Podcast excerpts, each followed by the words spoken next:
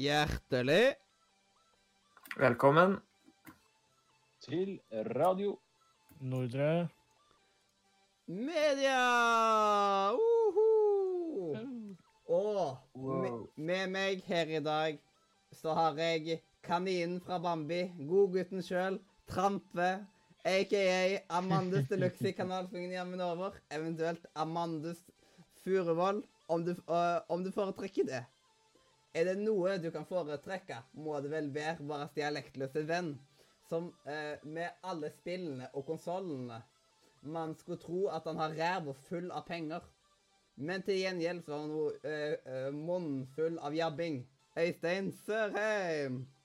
Hallo. Dette må være så nær vi kommer et historisk øyeblikk i 2021.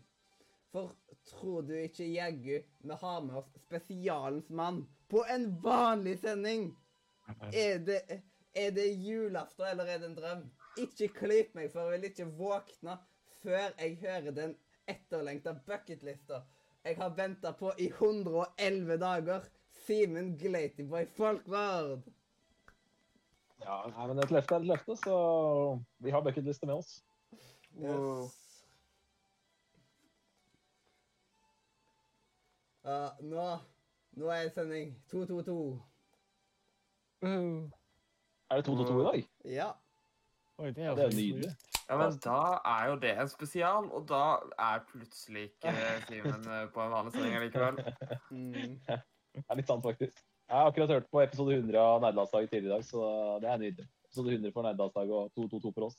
Det høres bra ut. Mm. Yes, det kan være sånn der et uendelig tall, liksom. At eh, hvis vi hadde hatt sånn episoden om der vi hadde hatt 1,1 Ah. og så bare liksom 1,222, og så bare liksom bare evig med to totallet bak.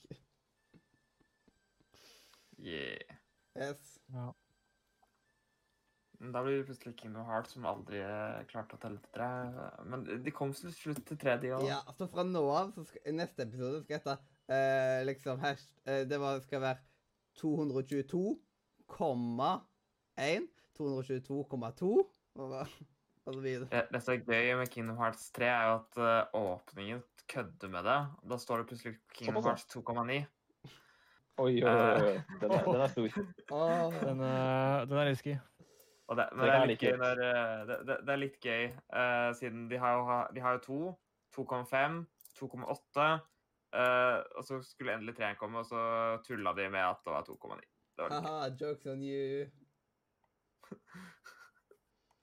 Mm. Uh, Tittelen var, eh, eh, var egentlig en skriveleif. Det var egentlig 2,9, men så kom de borti tretallet stedet. Det var Ja, feil, ja. det var feil pressemelding. Det er gøy med, litt sånn når, når de ler av det selv, da, da kan jeg ja, være med og le av det. Mm. feilprint uh, Alle coverene var feilprinta. Det sto et sånn tretall. Vet ikke helt hvor det kom Ja, fra. de syns tretallet så finere ut. Det var billigere å printe. Ja. ja. Mindre blekk. Mm. Det er bra. Mm. Nei, ja. Med noen centimeter med blekk, liksom. På én million flere pøppel. Det blir fort veldig mye blekk. Ja, ja, ja, så det er egentlig sant. Tenk så mye blekk det er. Hvis du skal ha to ekstra symboler, liksom. Det er Mm. mye styr. Ja, det, det er farlig, da. Ja, I hvert fall når oppfølgeren kommer, altså når eh, liksom 2,98 kommer. Da blir det plutselig mye blekk. Mhm. Da er det Oi, oi, oi. Da, da er det galt. Da, Eh. da tar det helt av. Men noe som Ja. annet tar av, er jo vår fantastiske eh, første spalte som heter Hva skjer? Og hva har da rett og slett gjort det siste og sånt. Og jeg, eh, det er liksom har, eh, det er liksom Hvor lenge siden har vi hatt liksom denne komboen av folk på eh, sending? Nei, jeg har jo vært borte en stund. Ja. Og liksom trampa har vært sånn litt sånn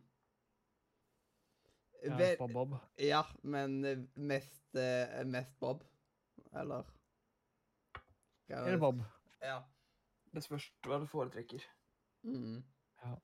Jeg venter ennå på den sending, eh, at den sendinga skal skje der ikke jeg er med. Å nei.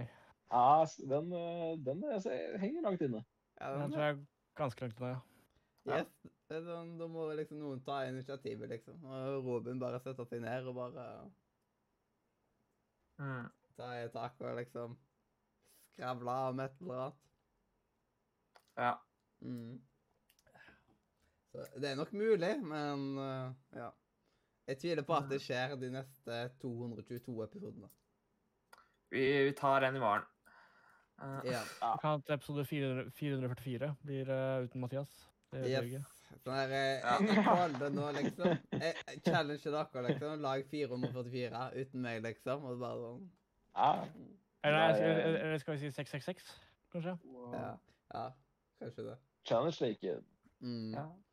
Nei, jeg har jo hosta sendingene øh, sånn langt tilbake, hvor av og til jeg streama, husker jeg. Ja.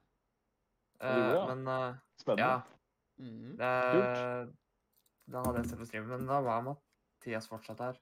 Yes, og på enkelte av de sendingene så var det du som tok av deg av mesteparten av praten. Ja. Så det har ikke hatt noe problem eh, med det sånn, egentlig.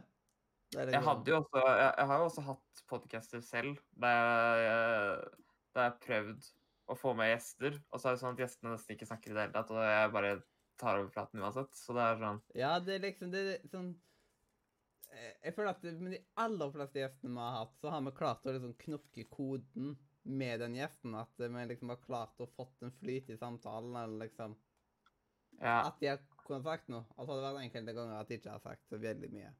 Eller hvis vi har hatt flere gjester samtidig, så er en plutselig forsvunnet litt. Så ja. det må liksom bare finne ut hvordan man skal klare det. Mm. Og bryte isen.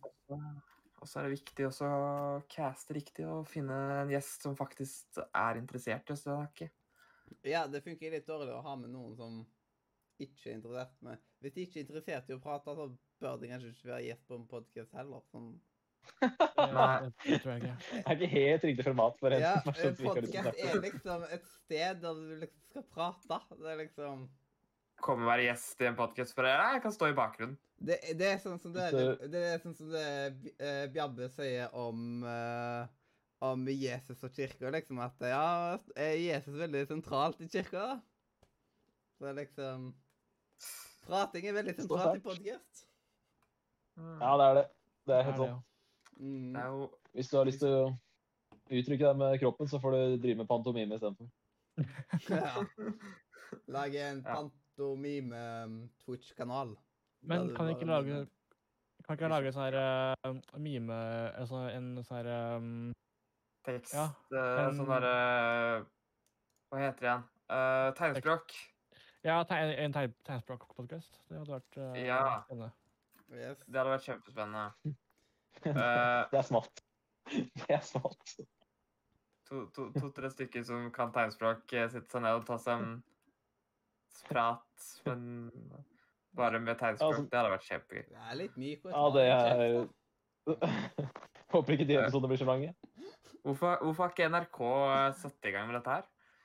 Eh, Nei, men hvis de skulle hatt en tegnspråkpodkast, så måtte de liksom hatt en som bare tok og tolk, synstolka tegnspråket.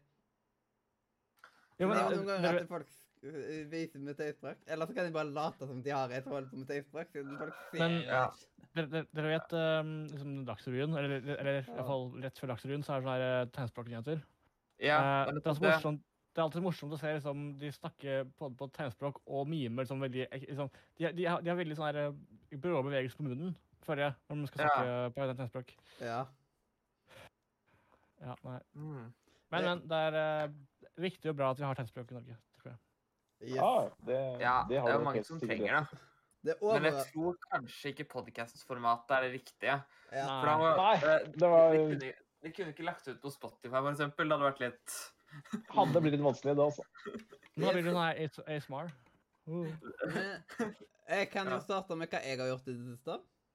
Ja, det Gjør det. Ja. Og, Og da tar, da, eh, da tar jeg rett og slett en liten sånn her eh, Hva skal man si En liten frekk eh, ha-med-dag fra nerdelandslaget. Oi, oi, oi. Heftig, heftig. Yes, for eh, eh, de som ser dette her på YouTube, eh, eh, kan liksom se hva jeg har, liksom, men jeg må prøve å forklare det. da. Men Ja. det, dette her er rett og slett da eh, noe eh, Liksom et dice tray. Hva er det norske ordet for det, liksom? Men eh, Terning Terningholder, er det ikke? yes. Dette, dette ble 3D-printa på 17. mai. Ja. Uh. Mm. Eh, så det er rett og slett som at eh, man kan ha alle de forskjellige DND-terningene liksom i hvert sitt område for å ha de sortert, og så kan man trille opp i et lite basseng, eller hva man skal kalle det. Ja. Og det Eh, har vært en liten vært game sånn changer for meg. da. Jeg har vært borti en sånn før. Mm. Eh, men det som er morsomt på 3D-printing, er at den der ser veldig simpel ut. Men det har garantert tatt i hvert fall fire timer og eh, kanskje seks-syv timer å printe. Ja, jeg tror det- det tok mellom seks og åtte timer eller noe sånt å printe. Ja, det er sånn 3D-printing tar mye lengre tid enn man skulle tro. Ja. Ja, det tar eh, ganske lang tid, så liksom at det er ikke sånn kjemperask og billig løsning på ting, men Det er ikke som eh, vanlige bare sånn at man bare spyr ut papir. liksom. Men man får til så mye forskjellig, siden det er så stort. Liksom, så Mm. mye muligheter man kan ta og lage, liksom. Ting som man Ja. ikke ak- akkurat finner på butikken. Nei, vi hadde sånn tre-fire 3D-printere selv, og vi eh, på skolen da jeg gikk, så Og vi eh, Vi driver og jobber mye i 3D, Mm. så vi lagde jo masse ting selv. Etter en, Eh, etter en av de forrige send, eh, etter, Jeg tror det var etter en av de forrige sendingene, eller en av de forrige DND-sessionene, så tok jeg liksom jeg Så stakk jeg jo til broren min som hadde kjøpt seg en eh, 3D-printer. En sånn eh, Pursa 3D eller noe sånt heter det. Eh, MK3 eller noe sånt. Det var sånn ganske dyr og sånn. Det er en av de litt mer sånn Ja, de, ja. åpne printerne. Eh, Og- de har vært borte. Det er de vi har også. Og det var jo eh, det byggesettet, vet du. Så det var jo eh, eh, Delene Ja. fra det var jo 3D-printa av en sånn 3D-printer. Så det var litt kult Ja. at man satte den sammen med liksom ting som den sjøl har printa.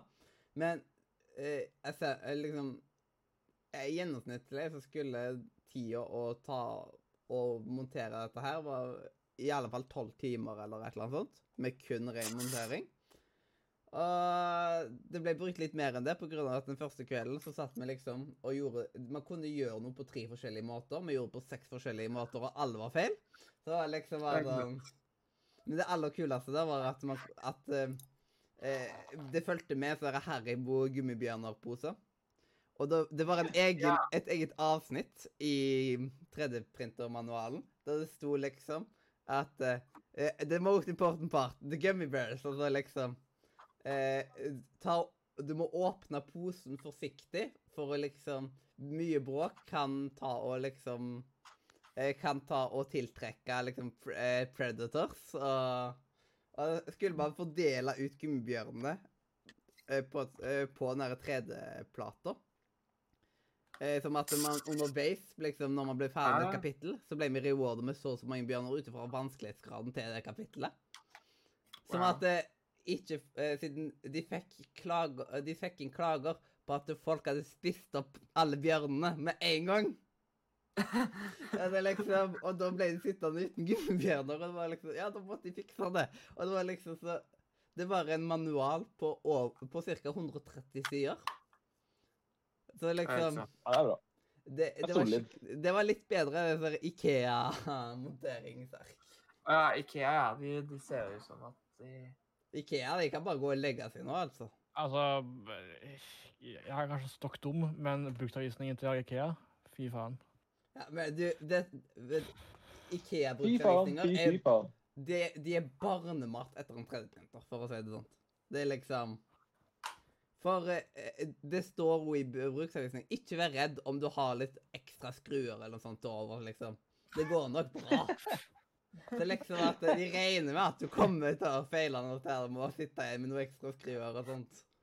Og Ja, det, ikke. Fantastisk. ja, det tok jo 3D-printer bra, så liksom Vi ødela det ikke, heldigvis. Og så Så, eh, altså, 3D-printer er gøy til eh, du må reparere den fordi at det har skjedd noe feil. Det ja, det, det er ikke så kult. Nei. Og så, har heldigvis aldri vært min jobb. og så har jeg tatt og planlagt eh, den siste fysiske session av DND, som blir på en god stund. Som jeg skal spille i morgen. Så det, det gleder meg jo til. Siden da skal jeg liksom Ja. Eh, siden jeg, jeg er jo spiller i en session, og så er jeg DM i en annen session. Så jeg får liksom begge delene av DND. Så nå har jeg liksom tatt og laga en veldig sånn her eh, story-heavy dungeon. Så det, jeg gleder meg til å vise spillerne det. Og så utenom det så må man jo kanskje ta og nevne et lite PlayStation 5-kjøp, da. Mm. Det er vel kanskje verdt å nevne. Et lite, ja. Mm. eh, på grunn av at eh, Ja, jeg ble jo trukken ut, og hadde hatt eh, satt penger til sides ved tanke på det. Så det måtte man jo passe på ifra liksom, de starta med de trekningene. Det er jo litt dumt å bli trukket ut, og så bare har man ikke penger i det hele tatt til å kunne gjøre det. Ja, nei, jeg kjente to stykker som vant, som eh, ikke hadde pengene til det, så de endte opp med å bare gi den til noen andre i klassen. Mm.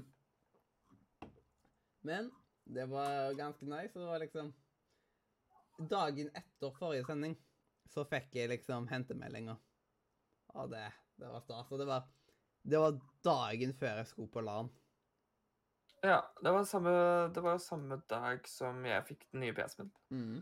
Og på det LAN-et så tok jeg og fullførte Astros Playroom. Som er fantastisk, fantastisk spill. Og jeg fikk jo en mail fra Astros Playroom etterpå at det liksom eh, Fordi jeg hadde fullført spillet, liksom. Og det var så kult at de gjorde det. Og så spilte jeg to andre fra Journey-studioet. Mm. Flower, og det siste jeg husker jeg ikke helt. Det var noe sånn uh, som Flow, flow, eller er Ja, Flow Flow, og Flower. Uh, Og nice, har du spilt alle tre fra mm, That Game Company? ja. Og, Det er jo konge, da. og Flower var jo et nydelig Man merka at det var samme studio. Ja, absolutt. Og det var, er, mye, det var mye dypere mye- enn det jeg trodde. I starten er mye jeg at, der. Det er mye sjel. ja. Eh, I starten tenkte jeg at ah, dette er ikke et så veldig stort spill, men det var liksom, jeg brukte jo en del timer på det. og sånt. Jeg ble overraska hvor dypt det ble. Så Men jeg må nevne um, De har jo et spill tidlig ute nå. Eh, Det kommer ut i mobil, men det kommer jo ut eh, tidseksklusivt på konsoll til Switch. Så deres neste spill er snart ute til Switch. Så bare merk dere det. eh, har det noen tittel? Ja, ja, det har det jo det kommet til mobil og sånn. Jeg husker ikke, har det ikke i hodet, så jeg kan ikke si det er tittelen nå. Men eh, vi kan jo google etterpå. Ja.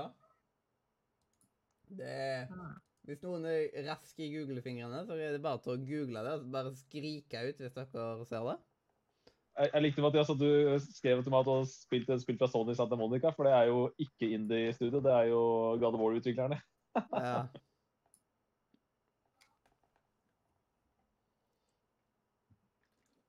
Yeah. Men det var stilige spilleopplevelser. Hvis det landet hadde vært litt lenger, så kunne jeg tatt og lurt meg til å fullført eh, mm, eh, Miles Morales opp på landet pga. at han som satt ved siden av meg. Vi var to, eh, vi var to stykk på hele LAN-et som hadde PlayStation 5. Og vi satt ved Mm. siden av hverandre. Oi, oi. Så jeg Eh, bare er tok og liksom Jeg bare lånte spillet fra han jeg liksom og spilte. Og hvis det hadde vært en natt eller noe sånt, så hadde jeg liksom brukt Miles Morales og liksom spilt det òg, liksom. Siden det hadde han fysisk. Mm. Mm. Så Men dessverre så fikk jeg ikke tid, tida til det. Jeg fikk uh, nylig platinum jeg, på Miles Morales. Fytte gris. Ja, det er i hvert fall det laste Det er, det er i hvert fall kortere fast travel-loading i det spillet. Ja. eh, det, det er sånn Et lite knips, liksom, så er du ferdig med loading. Det Det hjelper, det hjelper det hvis du skal flette et spill. Se på, se på de forbanna Ja. loaderskjermene i tide og utide. Eh, jeg har platta det forrige Spiderman både på PlayStation eh, Men altså, på PlayStation 4 så gadd jeg liksom aldri bruke loading-greiene. Altså, jeg ble så lei av loadinga at det bare Og så var det så gøy å svinge seg rundt at jeg bare gjorde det. Ah, nei, Jeg jeg brukte aldri fast traveling. Nei, jeg ser den eh, godt. Um, Mm. det var jo et spill jeg brukte lite fast travel på sjøl også. Men det, det hjelper Men det er kult, at det går raskere å loade spillet generelt òg, da. For det tok jo litt tid å Ja, loade ja, første gang. Jeg skjønner spiller setter man en masa Asa Valhalla nå. den motasjonen er liten på current gen. Vi må opp på next gen før jeg gidder det, gitt. Ja. Men Eh, men eh, det er kult da at vi nå sitter her fire stykker og spiller en podcast, og 50% av oss har PS5. En så eksklusiv konsoll, det er jo helt rått. ja, det, det er ganske god representasjon. Hatt, Absolutt. litt, uh, hatt min i snart et halvt år, jeg tror jeg. Så Det er liksom Nei, vet du hva, det er faktisk et halvt år. Jeg, bak, jeg går bare kanskje sent ut på PlayStation 4, men PlayStation 5, det er uh... Eh, Jeg skulle til å si det til Mathias. Jeg ble jo så glad når du endelig fikk et finger og fikk kjøpt PS4. Så det er jo helt rått at du sitter her med PS5 allerede nå. Jeg syns jo det bare er helt konge. Så det er jo jeg er sinnssykt digg med sånne investeringer. Liksom. Nå er du en del av neste generasjon. Nå har du på en måte tatt steget. Er, det er jo en eh, det er jo mange tullinger som, eh, som kjøper PS5, og så får de dårligere, og så må de selge den igjen etterpå. liksom. Mange sånne tullinger. Men du er ikke en sånn person. Du, du har jo investert for, for denne generasjonen. liksom. Nå er du med på eh, PS5-kjøret de neste åtte åra, så det er bare å gratulere med det. Yes. Eh, og det var vel sist sommer eh, du skaffa deg Switch, sant? Det stemmer bra, det. Ja, så det er liksom at uh, ca. hver sommer så kommer en ny konsoll inn i Radio Nordre Media-redaksjonen. Ja, Absolutt. neste sommer så skaffer vi oss hver vår Sega. ja, Øystein fikk seg jo en, eh, en høstkonsoll der, så ja, det er bra. Kanskje, kanskje neste, neste gang så får jeg skaffe meg en konsoll, jeg også. Ja, ja. Ja, det har vært eh, hyggelig, det. Du det en vi, eh, du er hjertelig velkommen i konsollklubben, for å si det sånn. Ja, jeg tror jeg, jeg tror jeg klarer meg fint her jeg sitter nå. Men eh, plutselig skaffer du deg en Switch, vet du. Switch er faktisk dritdigg å ha. Jeg- Jeg var på tur i dag og hadde med meg Switchen, og det var kjempegøy. Eh, Jeg har blitt helt hekta på en ny Pokémon Snap. Nei, jeg kan ikke, vi kan ikke stry, skryte Switchen Vi kan ikke skryte nok av Switchen. Det er jo en helt fantastisk konsoll. Ja, ja altså, jeg, det har vært en del på folkeskolen som har hatt Switch i år. Og det frister litt an å kjøpe Switchen, men eh, ja, jeg vet ikke. jeg, eh, nå har jeg hatt min i ti måneder, og kan ikke eh, rose den nok opp i skyene, egentlig. Den er, eh, den er så deilig. Vi hadde Og har i motsetning til Nintendo Wii og Wii U har jo en fantastisk spillutvalg også, så her er det bare å kose. Ja, vi hadde, vi hadde et valgfag på skolen eh, som het Mario Maker-klubben. Eh, Oh, og, der, eh, ja, og, er der, konge. eh, og der var det veldig bra å ha Switch, fordi at eh, alle sammen hadde jo Switch, ikke sant? Og da var det sånn at læreren hadde bare med seg dokken sin, og så bytta vi bare på dritenkelt og bare putta switchene våre oppi dokken hans. Og så Det hørtes veldig feil ut, men uh, Ja. Eh, men, uh, men vi, vi bytta på bare putte den inni der, ikke sant? og det var dritenkelt. Og liksom, da hadde vi det på storskjermen. Så Mm. kunne vi liksom vise hvilken bane vi hadde laga og sånt. Uh, for han, han vi hadde Han lærer i faget der, han er jo veldig bra Han er veldig flink på level design. Han har jo eh, master Oh. i game. Nice, nice, nice. Han har jo sånn mastergrad Nei, ikke master. Han har bare bachelor uh, i eh, liksom spilldesign. Og hovedsakelig så har han bare drevet med level design. Så det, han er en- Han har også Det er litt gøy, for han har vunnet en BAFTA.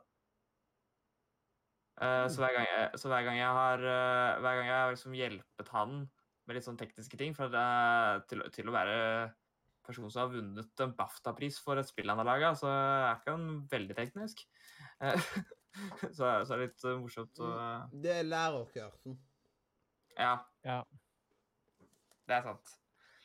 Uh, men uh, han er veldig hyggelig. Han er en av de hyggeligste lærerne jeg har hatt. Så flink fyr.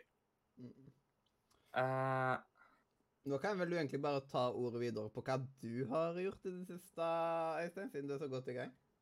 Ja, eh, så jeg har ikke vunnet en BAFTA, men jeg har vunnet to spillpriser, da. Så det kan vi jo nevne. Vi kan starte der. Eh, det skjedde jo for en stund siden. Eh, jeg og klassen, eller jeg er halve klassen min, eh, gruppa mi, eh, som har laga et spill som heter Workaholic, vant Norwegian Game Awards. Eh, To priser. Vi vant for Best Visual Design, eh, som vi ikke skjønte helt hvordan vi gjorde. Uh, og så vant vi også for uh, Vi vant også hedersprisen Game of the Year. Så det var. Eh, vi skulle egentlig være i Trondheim Hedoprisen, mener du vel. Men ja, vi skulle egentlig vært i Trondheim og fått den, men så var jo dette viruset som ødelegger alt, så vi måtte sitte hjemme og bare yay. Eh, samme kveld så hadde de eh, en Kahoot, og vi var jo litt smarte. Så vi hadde jo forberedt oss til å vinne den Kahooten, fordi alle spørsmålene ble måte, eh, De la ut spørsmålene, og spørsmålene var liksom relatert til alle spillene. Så folk måtte spille spillene for å finne svarene, ikke sant? Det var for å på en måte få alle til å spille spillene. Så vi var sånn tre stykker. eh, fordi vi var en vennegjeng, og to av oss hadde PlayStation 5.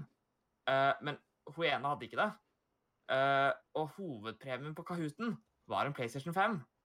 Eh, så vi, vi tre satte oss ned. Eh, og den kvelden så vant vi Vi vant da en PlayStation 5, en Nintendo Switch til en annen i klassen, og et sånt headset, for vi vant alle tre prisene på den Kahooten. For vi vi, var, vi var forberedte. Så vi vant da to priser. eh, en PlayStation 5, Nintendo Switch og et headset. Det, det var en grei kveld. Uh, uh, Men ja.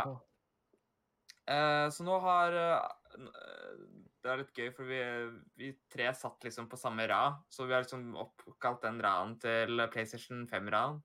For det var jo der vi sa Da satt vi med hver vår PlayStation 5. Så det var koselig. Eh, annet jeg har gjort, uh, er uh, Hva mer? Jeg har blitt helt hekta på Pokémon Snap uh, på Switch. Eh, som er et nytt spill som kom for en uke siden, nesten. Og jeg har spilt veldig mye av det fordi det er veldig kos. Det er liksom Det høres litt kjedelig ut, kanskje, men du skal bare liksom sitte i den bilen din, og så tar du bilder av Pokémon. Eh, og du finner så Det er så mye Pokémon du, du får så fine bilder. Fordi det er så bra grafikk i det spillet at uh, det er jo uh, Jeg har sett at det er veldig mange som eh, liksom har lyst til å ha Skulle ønske at Pokémon eh, Sword and Shield hadde den grafikken, liksom. Eh, Men det er jo naturlig at det ikke klarte Altså, Switch eh, Jeg skjønner ikke at Switchen klarte å, å, å kjøre det i Pokémon Snap engang, liksom. Så hvis du skulle putte det inn i en online-setting som du kan gjøre i Sword eh, nei, Sword and Shield, uh, og alt det der, så, så tror jeg ikke Switchen hadde klart det. Men, uh, men ja. Det, det jeg har gjort. Hva annet jeg har gjort? Jeg har flytta tilbake det som jeg liker med det som jeg liker veldig godt med Pokémon Snap, er at uh, vi var jo veldig spente på liksom, hvordan blir det nye Pokémon Snap. For det forrige spillet var jo veldig lite spill. Ja. Det var jo ikke så veldig mye content i det gamle. Uh, Så jeg var liksom ja. veldig spent på hvordan blir det nye. Og at de har dunka til med et skikkelig At det føles som et skikkelig trippel A-spill content-messig. Det syns Ja. jeg er dritkult. Det er veldig overraskende. Altså, jeg kom til rulleteksten i går. Uh, og jeg, jeg har spilt eh, ganske mye. Jeg har vel Jeg tror jeg har 16 timer tok jeg meg for å komme til rulleteksten. Eh, og Ja, sånn 16 det er jo beefy. Ja. Uh, og jeg har ennå ikke Og jeg er ikke i nærheten av ferdig. Uh, det er sånn 40 Pokémon her til jeg ikke har funnet. Uh, og så i tillegg så har jeg ikke i nærheten Fordi alle Pokémon har fire forskjellige liksom uh, setups da, som du kan ta bilde av for å få fylle opp i uh, fototeksten din. Mm. Så du må prøve å finne alle de. Og eh, nummer én, to og tre er relativt lett. Men nummer fire er et sånt special event, da. Så da må du liksom gjøre noe eh, drastisk. For eksempel den ene, så må du kaste et eple oppi et tre. Så kommer den til å fly ned, ta det eplet, og så kommer den til å må du ta bilde mens den flyr med det eplet, liksom. Så det er sånn Det er ganske spesifikke ting, Ja. da. Jeg har Eh. hørt om det er eh, hemmeligheter i hemmeligheter i hemmeligheter. Så det, Ja, det er helt crazy, det spillet der. Uh, og i tillegg så har du jo mye Det er mye å utforske der.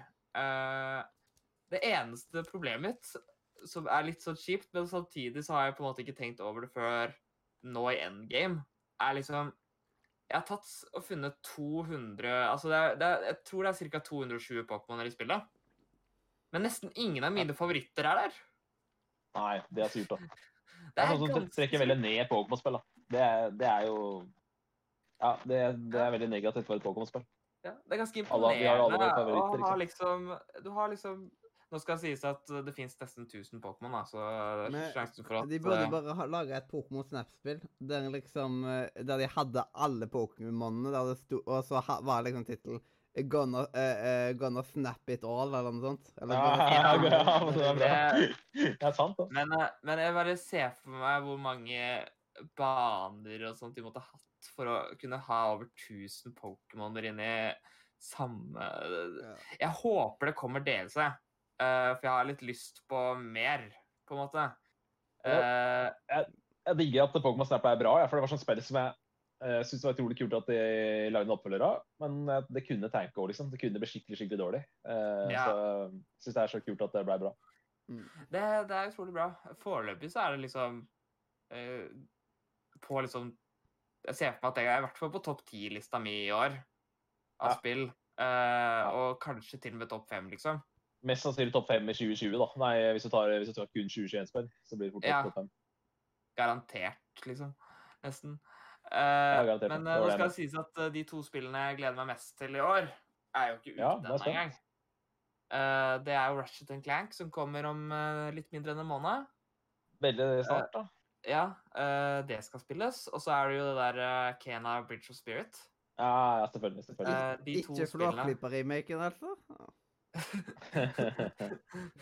Ja. Nei, men Kena jeg, jeg er med på hype-toget der, for å si det sånn. Jeg gleder meg til de to spillene der. Uh, og det er ikke så lenge til. Kena skulle jo egentlig vært ute, men uh, Skulle det. jeg håper at uh, det blir bra nå, så det blir utsatt, og de får litt mer tid til å jobbe på det. Det blir nok sommer, det blir nok beste spillet sommeren 2021 for min del, i hvert fall. Ja. Uh, Åh, nei. Uh, hva mer har jeg gjort, da? Jeg spilte også opp igjen Journey igjen. Uh, Konge. fordi Apropos That Game Company. Ja. Eh, nei, jeg kjeda meg eh, på Jeg tror det var onsdag.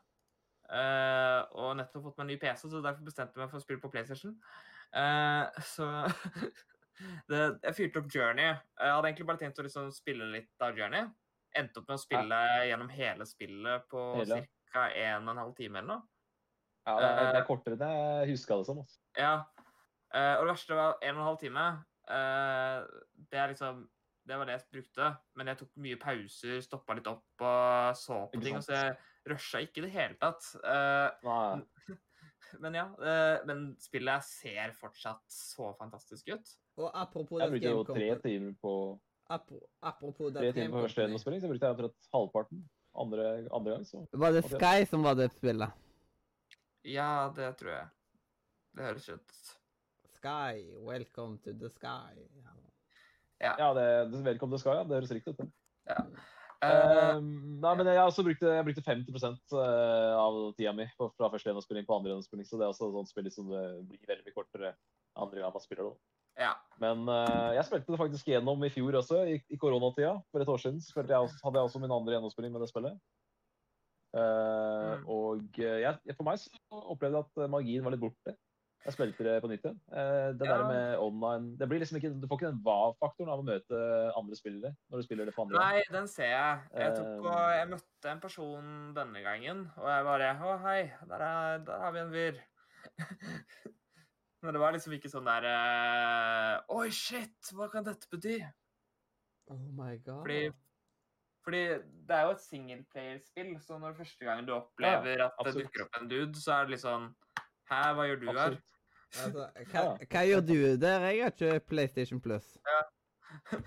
Det som irriterte meg litt, nesten, var at uh, han jeg møtte denne gangen, tok og gjorde puzzlene for meg. Og jeg bare Hei, Ja. jeg har lyst til å slappe litt av her. Men det er det jeg tenker, det er det jeg tenker litt, er at Hvis du møter folk nå, så har jo, det er mest sannsynlig folk som har spilt spillet både tre og fire og fem ganger. Og da blir det nesten Ja. sånn at de eh, nesten bare går i veien for deg. Uh, Jeg tror det er vanskelig å få den der magiske opplevelsen eh, eh, av Journey nå, da, i 2021. Samtidig så spilte jo Nick det for første gang for bare et år siden. Og eh, han elska jo den uh, online-fiksjonen. Så, så det går jo an å ha flaks også. Ja. Det kommer helt an Altså, Det er kanskje større når han ikke visste at det var en ting, på en måte, for da får du fortsatt den wow-følelsen. Ja, kanskje. Men han hadde flaks, da. Fordi det er jo folk som har spilt igjen for første gang og hata de der online-greiene nå. Fordi det, det var Ja. bare møtt tullinger, ikke sant. Så det er jo Ja, veldig vanskelig vanskelig å si uh, det- et spill er vanskelig å trolle i. Det det jo. Det er klart. Uh, det hadde vært verre å oppleve dette på et spill uh, det- Det er nesten som første gang du opplever at noen raider deg, eh, eller invader deg da, i Dark Souls. Da er det bare irriterende. for, da er du, for da er du jo der bare for å kødde med deg.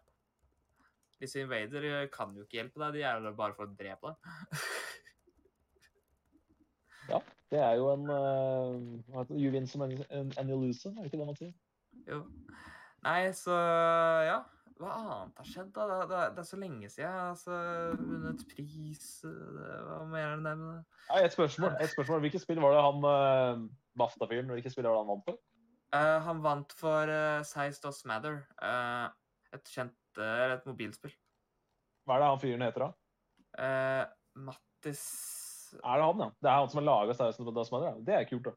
Det er vel bare to spill som har vunnet i BAFTA fra Norge. To norske spill som har vunnet det. og Det ene er uh, My Child Lavensport, og det andre er uh, Size Does Matter. Så da har du han, eh, han læreren din der er jo faktisk en av to eh, nordmenn som har vunnet Eller i hvert fall en av, en av, så, står bak ett av to eh, norske spill som har vunnet BAFTA. Så jeg vil jo si det er ganske svært. Ah, ja. Ja. Det er ganske stort. Uh, han eh, Og så er han litt glad i underbuksereferanser når han kaller spillet sitt Size Does Matter. ja.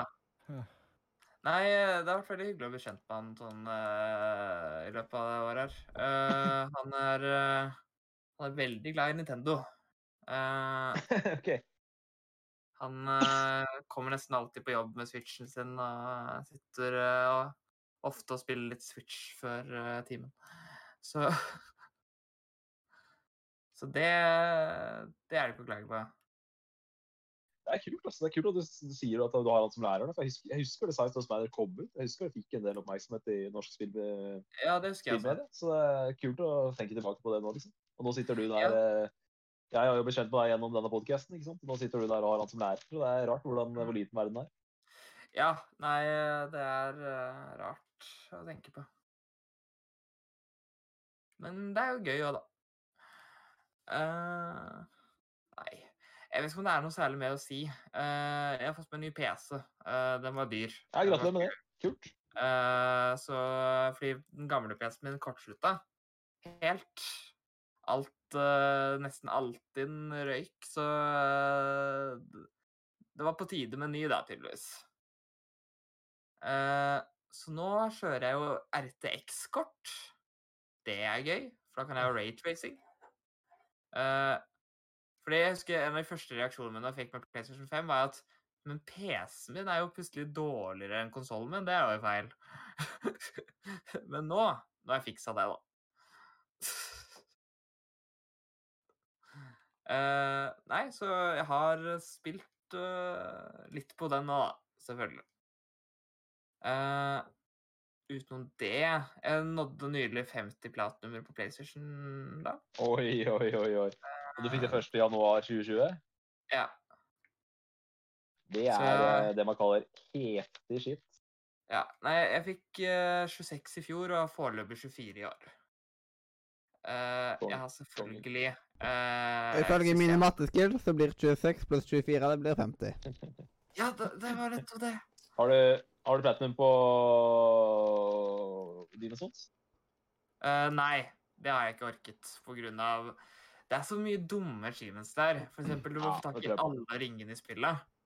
Eh, og det er sånn Den ene ringen er en startgift, så du må liksom velge å starte den uh, med den hvis du har lyst til å gjøre det. Og så er det masse ringer som er litt sånn litt vanskelig og litt random å få tak i. Så eh, det har aldri frista. I tillegg så må du ha alle spells. Uh, og som en person som ikke har brukt jeg, jeg brukte faktisk utrolig mye magic i det spillet her i forhold til det vanligvis gjør i eh, Dark Souls. For i Dark Souls så suger jo magic. Uh, men uh, i Demon's Souls så ble det litt magic. Men jeg gadd jo ikke hente alle spillsa. For da må du gjøre veldig mye rart. Men uh, i teorien så kan jeg jo Og så uh, fant jeg ut at uh, akkurat sånn som i Bloodborne, så er det sånn at Demon's Souls resettes med en gang du tar siste boss, i motsetning til f.eks. Dark Souls 3, der du må frivillig gå bort til en fyr og si yo, jeg vil starte på New Game Plus. Uh, så det var mye ting som jeg egentlig burde gjort hvis jeg skulle fått den platinumen, uh, før jeg tok siste bossen. Uh, for eksempel, jeg har masse sånn Jeg, jeg har beholdt alle sånne der eh, boss souls, som er sånne svære souls du egentlig kan få masse levels av, men jeg valgte å beholde dem av at jeg visste at de brukes til ting som kan gi deg achievements. Uh, så ja. Uh, men problemet er at uh, alle MPC-ene er jo borte i Game Plus, fordi at jeg har ikke helt funnet dem ennå. Så jeg må se om jeg gidder å faktisk få Nei, men selvfølgelig, det er ikke, det er ikke kanskje det som er er ikke det Platinum som er mest tilgjengelig, så jeg ser at det, det ikke er først på lista. Men jeg var bare nysgjerrig. Så jeg bare Ja. Og med de bevilgede ord så kan vi kanskje gå videre til Amandus. Det kan Ja. Hva har du gjort i det siste? Åh, det har skjedd altfor mye. Um, Konge. Ja, Nice, nice. eh, det er lenge siden. Jeg har vært på sending, og det er fordi jeg har vært så mye på skolen. Ja, Eh, nå, nå har du fått jeg- barn, du har gifta deg, du har kjøpt hus og sånt. Og så, det var det, du, det, det, det du har gjort. Gratulerer med, Ja, det, det var, med hund og kåk, da. og og så sa du etterpå det liksom at uh, Ja, det var nok Sims for i dag. Altså, jeg kan vel si Jeg har nesten fått et barn, da. Denne boka her, årboka vi hadde på folkeskolen. eh, Jeg, satt, jeg var jo så heldig at jeg fikk sitte i årbokskomiteen. Eh, fordi Oi, eh, Ja. eh, vi, satt, vi satt da, dag og natt og jobbet, og det var så Åh. Jeg hadde nesten ikke noe tid til å sove. Men i hvert fall, det ble ferdig, og det ble, det ble et lite barn. En katt og en hund. Ja, en katt og en hund. Ja, Veldig koselig. I hvert fall um, Så ja, egentlig det som har skjedd den siste tiden, er at jeg har flytta fra folkeskolen og hjem igjen. Um, noe selvfølgelig er litt trist. Ehm, jeg skjønner ikke at Mathias klarte å uh, liksom flytte ut på en dag. Ja, Vi brukte nesten en uke på å gjøre det samme. ja det er liksom Um, snu i døra, liksom. og sånn, På én dag. Jeg vet- liksom. Jeg vet ikke om du, Øystein, kan relatere, relatere til det? Uh, jeg også jeg klarte faktisk å gjøre det på en dag, men jeg uh, angrer jo litt på at jeg ikke gjorde det litt før. Uh, for det, det var ikke bare bare. Og det er ikke akkurat den kuleste tida kanskje å ta og holde på med alt det den siste dagen, liksom. Men Da vil du jo ta det siste farvelet og sånt. også. Å ja, altså eh, Angående siste dagen. eh, det ble en tårevåt affære eh, forrige onsdag uh, når vi skulle si ha det. Jeg er såpass heldig at jeg kommer igjen neste år som stipendiat. eh, så jeg får jo Yes. heldigvis ehm, eh, vært, vært med. Takk, takk. Ehm, så jeg får jo heldigvis eh, vært med og med enkelte folk på um, neste år. Og heldigvis Det tror jeg er et jævlig fett år, uh, Amanus. Å være stiv. Det tror jeg er kult. Jeg- Jeg gleder meg. Um, og det er, så mye, det er så mye ting som jeg kunne tenkt meg å gjøre neste år, uh, som jeg ikke fikk gjort dette, dette året. her. Uh, blant annet det med 3D-printer, for vi har masse 3D-printere på skolen. Uh, vi har jo eget 3D-printervalgfag, men jeg valgte selvfølgelig ikke det. Um, så ja, dumme og naive, d- dumme og eh, Ja, det er liksom- 3D-printing. Kan ikke velge alt ennå. Hadde min, for, hadde min folkehøyskole hatt 3D-printervalg, så hadde jeg lett tatt og valgt det, liksom. Jeg gjorde det når vi hadde, vi hadde 3D-printervalg. Det er liksom kunne ta og misbruke skolens utstyr, liksom, for å 3D-printe all den driten du har lyst på. Det eneste er at du må, betale, du må betale for uh, plassen selv. Og den største feilen jeg gjorde på, uh, når jeg gikk på folkeskole, var at jeg ikke tok å henge med på de som spilte DND hver tirsdag. Det er største så feilen jeg gjorde på folkehøyskolen. eller Mathias, jeg tror første største feilen du gjorde, var at du valgte folkeskole feil, feil år. Ja. Du skulle, Det var- du skulle, vente, et år, du skulle vente et år ekstra. Så slapp du den der brå avslutningen på mars. Mm. Det, det, var, det, det var ikke helt heldig. Det var det ikke. Sånn, det var ikke marginer. Det var det ikke. Og jeg tenker, altså, jeg tenker bare åssen den følelsen dere har måttet hatt, å bare stikke på en dag. Uh, da er Ja, liksom, Mm. Jeg har tenkt en del på det òg, at det må ha vært en uh... Jeg skulle ønske Altså, vi at jeg gjorde det et år før, på en måte. Det året jeg tok påbygg. Og Eller tatt påbygg året etter, for da kunne jeg uansett slippe unna eksamen uansett, liksom. Eh, og jeg kunne selv om fått med meg Japan-turen. Hvis jeg hadde tatt det ett år senere, så hadde jeg ikke fått dratt til Japan. Og det er liksom, da hadde ikke jeg fått opplevd voldtektsdassene. det, det, det er sant. Men altså, det er noe sånn jeg, jeg brukte nesten tre måneder på å bare preppe meg for at jeg skulle slutte på, skole, slutte, slutte på folkehøyskole. Um, altså, nei, det, det, det, det, har, det har vært en sånn tung tid, men uh, ah, jeg skjønner, ja, jeg skjønner at det er en emosjonell, spesiell opplevelse. Det skjønner jeg. Ja, men jeg har lyst til at uh, kåpe med litt sikkerhetsspill hjemme, så det, det er alltid trøst, heldigvis. Men Du gleder deg til E3, da, hørte jeg i stad. Å ja. Å, jeg gleder meg skikkelig til E3. Ja. Prater om det etterpå. i Nisse, vi tar en liten nisseprat om det etterpå. Ja. Men eh, da har egentlig ikke jeg så veldig mye mer å si på hva som har skjedd i livet mitt. Eller det har skjedd mye i livet mitt, men uh, ja, uh, jeg tror ikke det er noe mer som er relevant til podkasten her. Dessverre.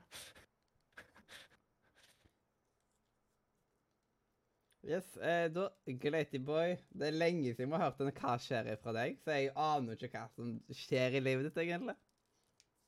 Nei, uh, 2018 så hadde jeg fantastisk gaming-år med Red Dead 2, Spiderman, God of War. Uh, I 2019 så hadde jeg et tamt spillår. I 2020 kom koronaen. Jeg hadde et fantastisk spillår. Og det fantastiske spillåret det er fortsatt inn i 2021. Spilt uh, og kosa meg så mye. Uh, så det har vært helt, nydelig. Eh, I vinterferien så begynte jeg på Days Gone. Dette åpen verden zombiespillet Mm. fra Sony Ben Studios. Og eh, det kom ut i 2019, så det er jo et av spillene som jeg har tatt igjen fra nærmere år 2019. Og det var, det var jo lunket på opprinnelig, men så prata jo Nick fra Level Up og Stormlar, og ikke minst vår egen Norglace, Christer uh, Stormark, Ja. prata det spillet så veldig varmt opp, og eh, sa at det var uh, sinnssykt bra og sånn. Da fikk jeg litt lyst til å spille her òg, og det er jo det er jo sånn spill som eh, fordi at det ikke solgte all verden og sånn, så har det jo kommet på tilbud en haug ganger. Så jeg plukka det opp på tilbud. Spilte det nå i vinter slash vår, og koste meg veldig med det, egentlig. Eh, spillet er veldig langt. eh, og hvis vi skal sammenligne Når jeg tenker lange spill, da tenker jeg Red Dead 2. Og jeg tror vi snakker Red Dead 2-lengde der, altså. Jeg tror det er en eh, 50 timer pluss, det tror jeg. I hvert fall 40 timer pluss. Jeg tror kanskje 50 timer pluss også, faktisk. Altså, ja. Så det var eh, Altså, jeg, jeg ser hvor det kommer fra, de som mener at spillet er for langt. Det kan jeg forstå.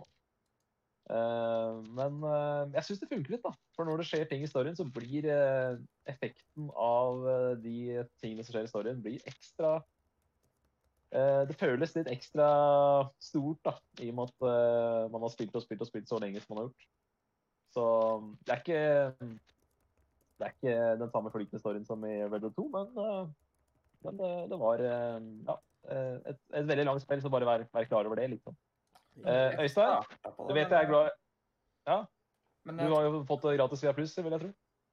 Ja Det er sant. Men jeg starta på det, men det ligger litt bak, kan man si. Det spillet må være motivert for, da. Du må være motivert for et, eh, et open verden-spill. Eh, Ja.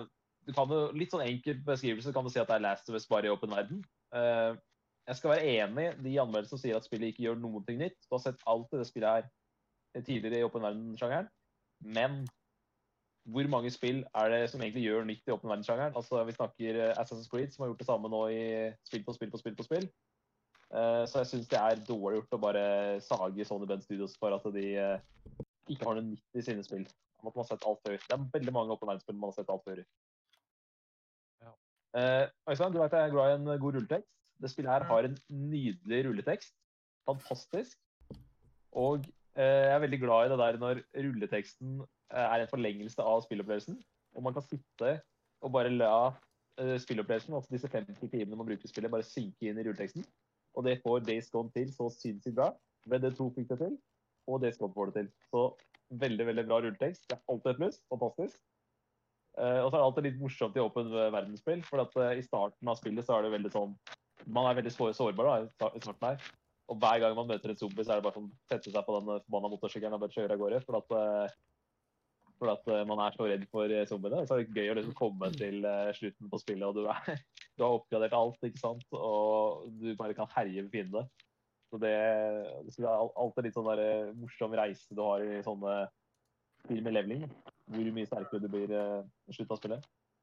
Uh, Jeg hadde glemt å si også at du kjører rundt på denne motorsykkelen din. Litt sånn som Ja. Red Dead 2. Red Dead 2 har jo hesten, ikke sant? Du må, du må passe på hesten, du må stelle hesten, vaske hesten. Det er litt det samme her med motorsykkelen. Du må helt passe på at jeg ja, men du må eh, hele tida passe på at eh, sykkelen har nok bensin, f.eks. Og det grepet likte jeg veldig godt. At du, hvis du kjører eh, sykkelen til døde, så må du faktisk løpe Da må du gå Da må du ta beina fatt og bare gå inn til campen. Du, kom, du kan ikke fast travele hvis du ikke har nok bensin på sykkelen. Det syns jeg faktisk var et grep som funka, funka jævlig bra. Jeg føler Det er ikke mange, kult, jeg føler ikke veldig mange spill der man bruker driv, der man må tenke på drivstoff, som ikke da er Nettopp, Mathias. Nettopp. Og derfor Og hadde det vært vanlig, så hadde jeg ikke syntes at det var kult. Men nettopp fordi at jeg tenkte at dette er noe nytt, så syntes jeg det var kult. Så veldig godt poeng. Yes. Og det, det gjør at innlevelsen i verden blir større, og ikke minst at du uh, føler mye mer på sykkelen din. da. Og det å det på sykkelen og sette på ny lakk på og sånn, er også veldig kult. Det passer mye bedre i et sånt spill som dette her. Hvis det, hvis det hadde vært bensin i GTA, for eksempel, så hadde det bare vært på en måte irriterende, syns jeg. i Ja, ja. ja ja, helt enig. helt enig. Nettopp fordi at det er så opptatt Spillet er en sånt sur- Nettopp fordi det er survival-spill, der er vel, man er opptatt av at øh, den karakteren du spiller, er litt sårbar. Spesielt i starten av spillet. Eh, og du har lite bensin. Så som du sier, det passer veldig bra til spillet. Eh, og så har jeg spilt veldig mye Assassin's Creed de siste åra. Og det er jo åpen verdensspill med sverd. Så det var deilig å spille et åpen verdensspill med skyting igjen. For det er lenge siden eh, Det var føltes i hvert fall som lenge siden jeg hadde spilt. Eh, og så må vi bare Jeg må bare til slutt jeg må bare si at eh, dette her er jo Sony Ben Studios som har lagd spillet her. Og det er det desidert største spillet de har lagd. Tidligere så har de bare lagd sånne porting av eh, andre spill og litt sånn håndmåtespill og sånn. Så selv om det er et trippel A-spill, så er Sony Ben Studios eh, Til å være et Sony-studio, så er det et eh, lite studio. Så det var et jævlig bra forsøk på å lage trippel A-spill. Ja, det var ikke et ti av ti-spill, men det fikk altfor hard medfart. Det burde ikke fått så mediocre kritikk som det fikk. Eh, hvis jeg skulle anmeldt spillet i dag, så hadde jeg gitt en sterk 7 av 10. Jeg ligger et sted mellom 7 og 8. Ender nok på en sterk 7 av 10. Så eh, jeg syns det var Jeg syns de skal ha for forsøket. Og trist å lese at de ikke får lov til å lage Days Gone 2. Det syns jeg de hadde fortjent. Og så eh, et spill som jeg egentlig hadde planer om å starte på i fjor.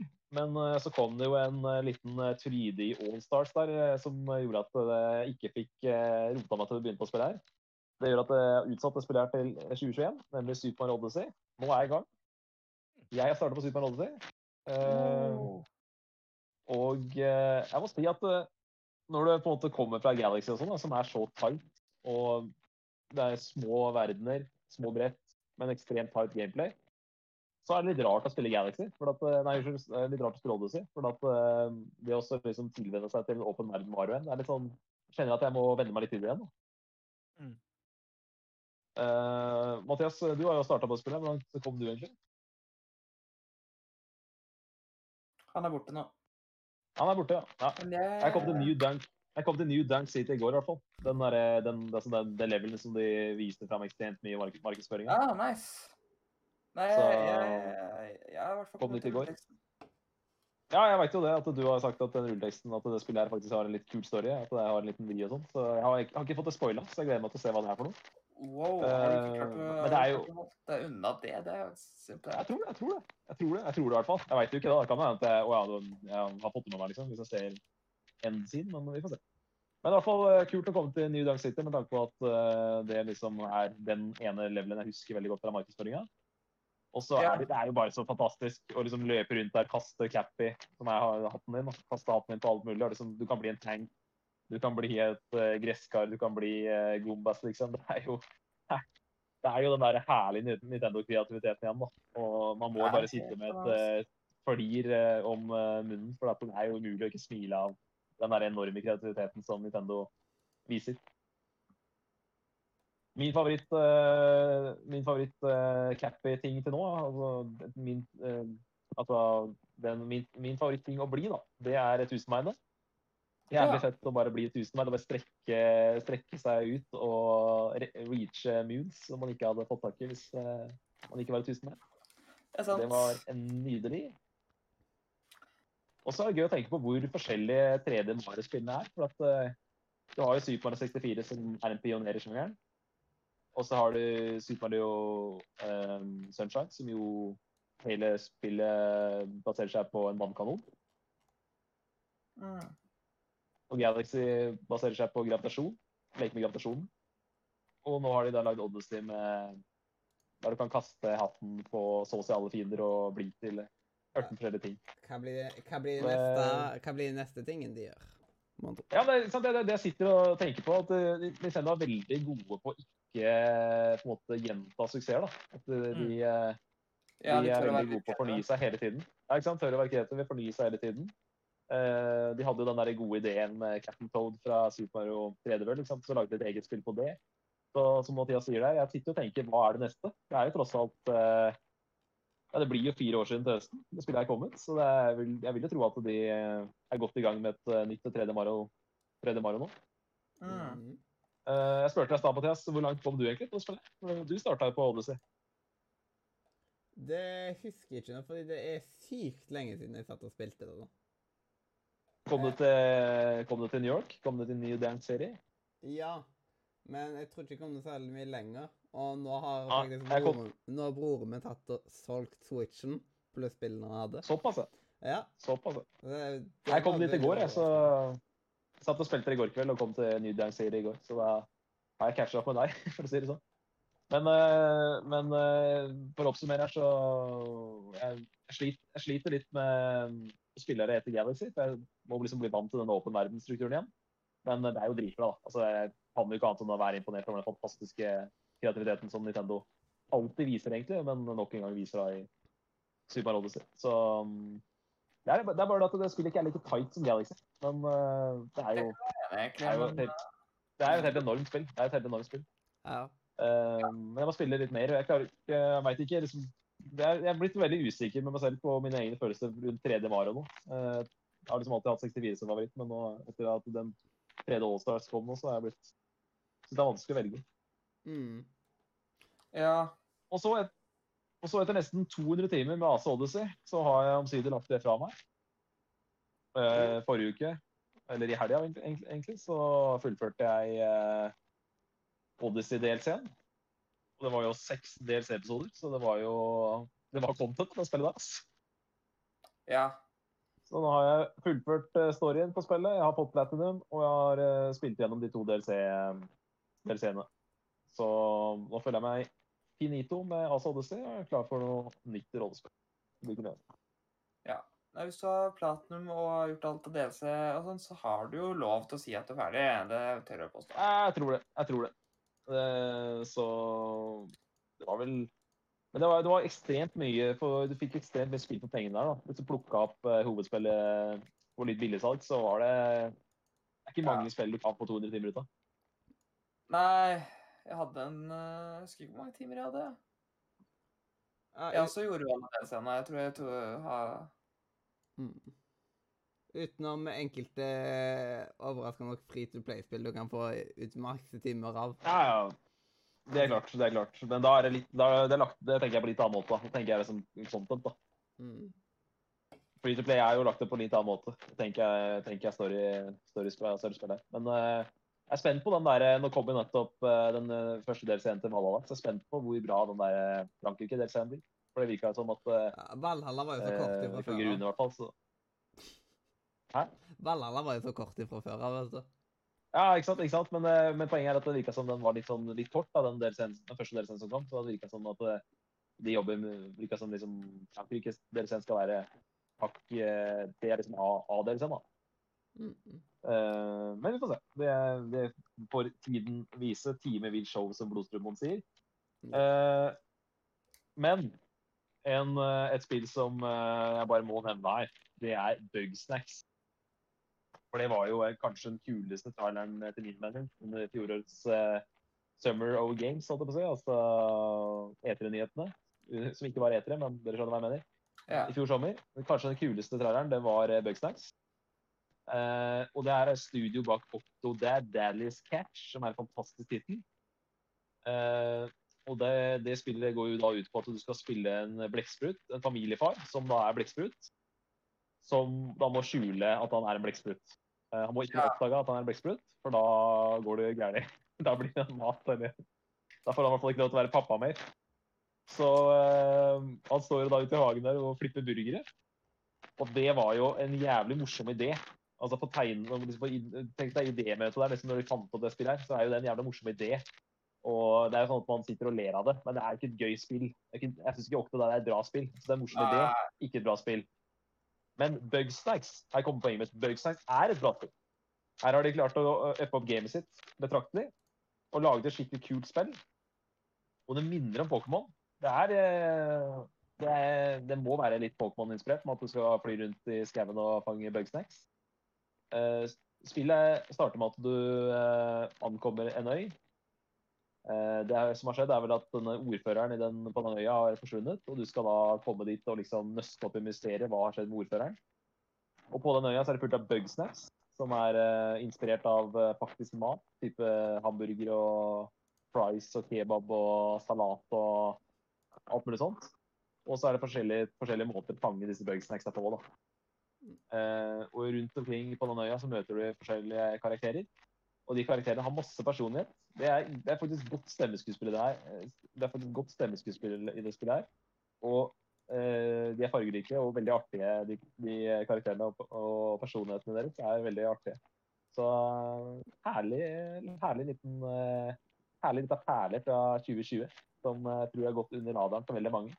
Men hvis du Ja, ja. søker opp eh, anmeldelser på det spillet her, så har du jo faktisk eh, Jeg tror du fikk åtte av ti fra IGN, liksom. Så det er jo et spill som, som fikk gode anmeldelser, men det, det drukna jo i, eh, i den høsten her med liksom rundt den der eh, hypen på Cyberpunk og så skuffelse på Cyberpunk. ikke sant? Cyberpunk dro veldig mye Ja, men det ble, Cyberpunk dro veldig mye news i fjor. Det dro veldig mye buzz, da. Å, Så selv om Cyberpunk ble en enorm skuffelse, det fikk jo ikke mindre oppmerksomhet fordi det var en skuffelse. Cyberpunk var vel heller motsatt.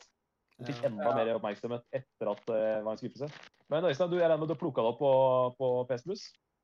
Ja, eh, jeg begynte på det, men eh, fullførte det aldri.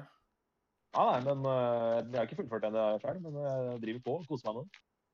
Eh, det er mye spill om dagen, så jeg har ikke fått fullført det ennå. Men jeg har i hvert fall skrevet her 'god kandidat årets glemte'. Det er, en, det er, det er inne på kandidatlista, i hvert fall.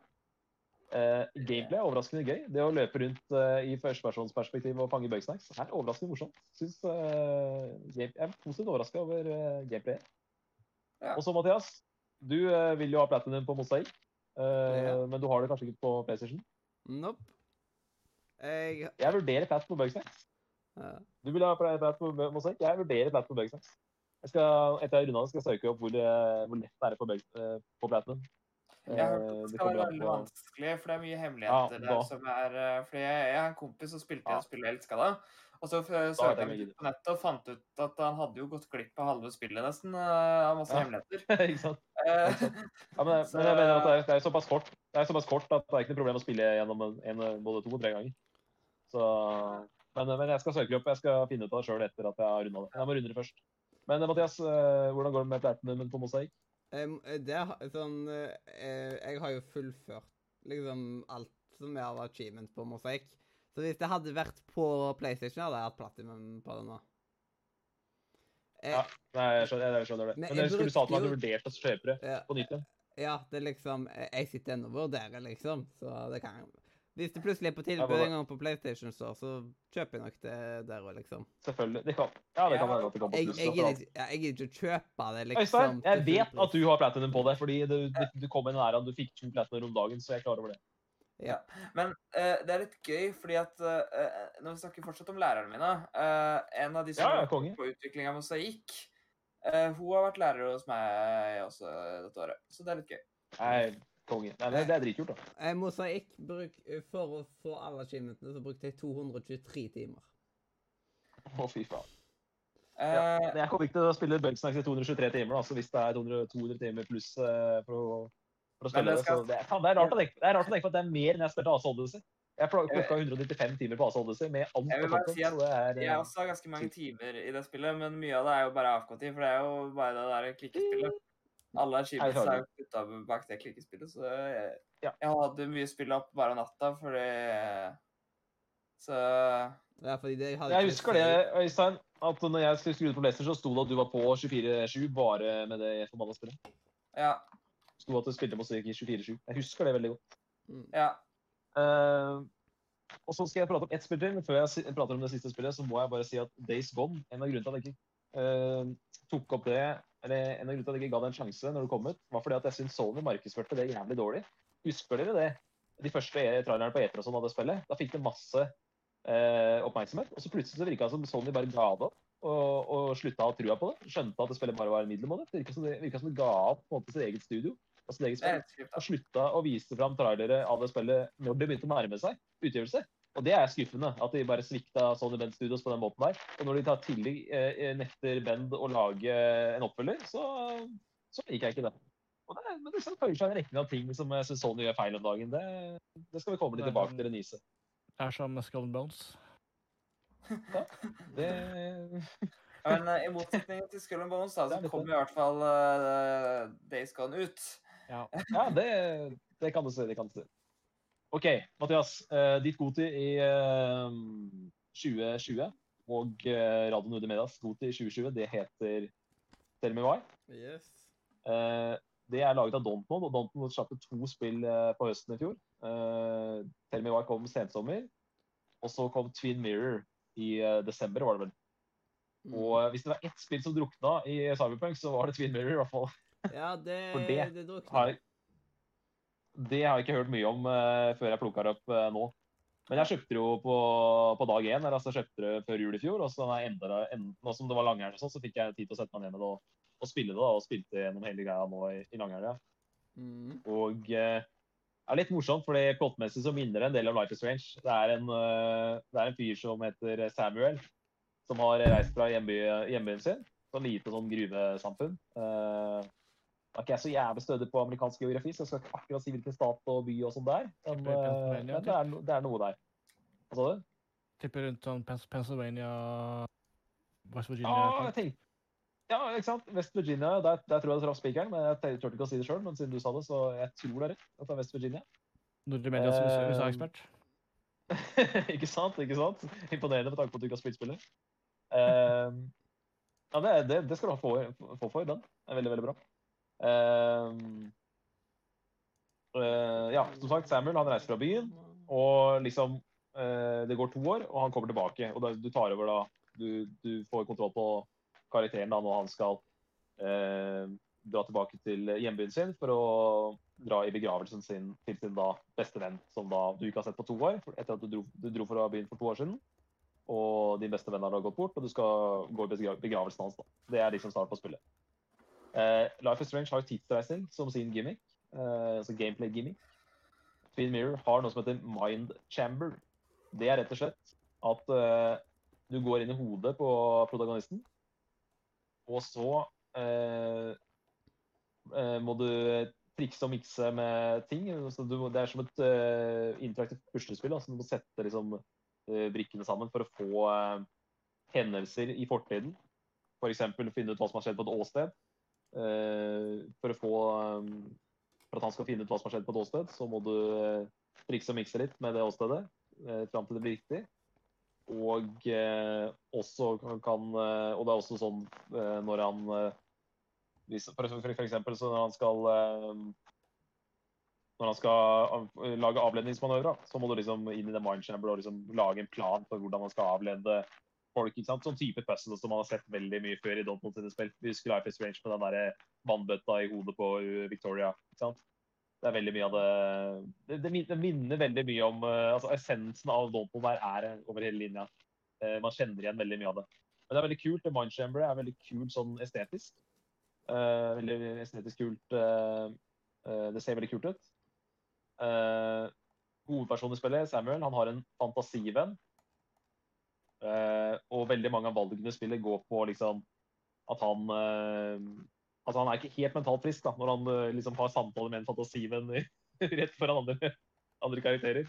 Uh, men i hvert fall veldig mange av valgene spillet går nesten på vil- Skal du ta parti med stemmen i til Samuel, altså fantasivennen hans, eller skal du ta parti med han? Det er veldig mange av det valgene går på. Eh, jeg hadde jo et stort problem med Life is Strange 2 fordi jeg syns valgene var elendig. Jeg syns valgene er veldig mye bedre i Twin Mirror. Uh, og egentlig så likte jeg spillet veldig, veldig godt. Helt til jeg kom til slutten.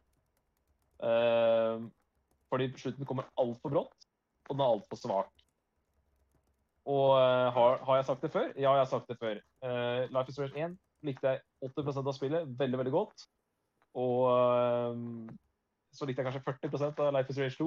Så det er liksom et eller annet med Dontnod. De klarer det, her, her er min teori, da. Her er min teori. Jeg mener at Dontnod er et uh, spillstudio som blir felt at de driver og hele tida kryssutvikler spill. At de lager to-tre spill om gangen. Jeg tror at det gjør at sluttproduktet ikke blir så bra som det hadde blitt hvis de hadde kun jobba med ett spill om gangen. Sånn type Quantic Dreams som jobber med uh, altså David Cage-spill. da. Jeg tror at sluttproduktet hadde blitt bedre om de hadde hatt et litt større team som hadde jobba med ett spill om gangen.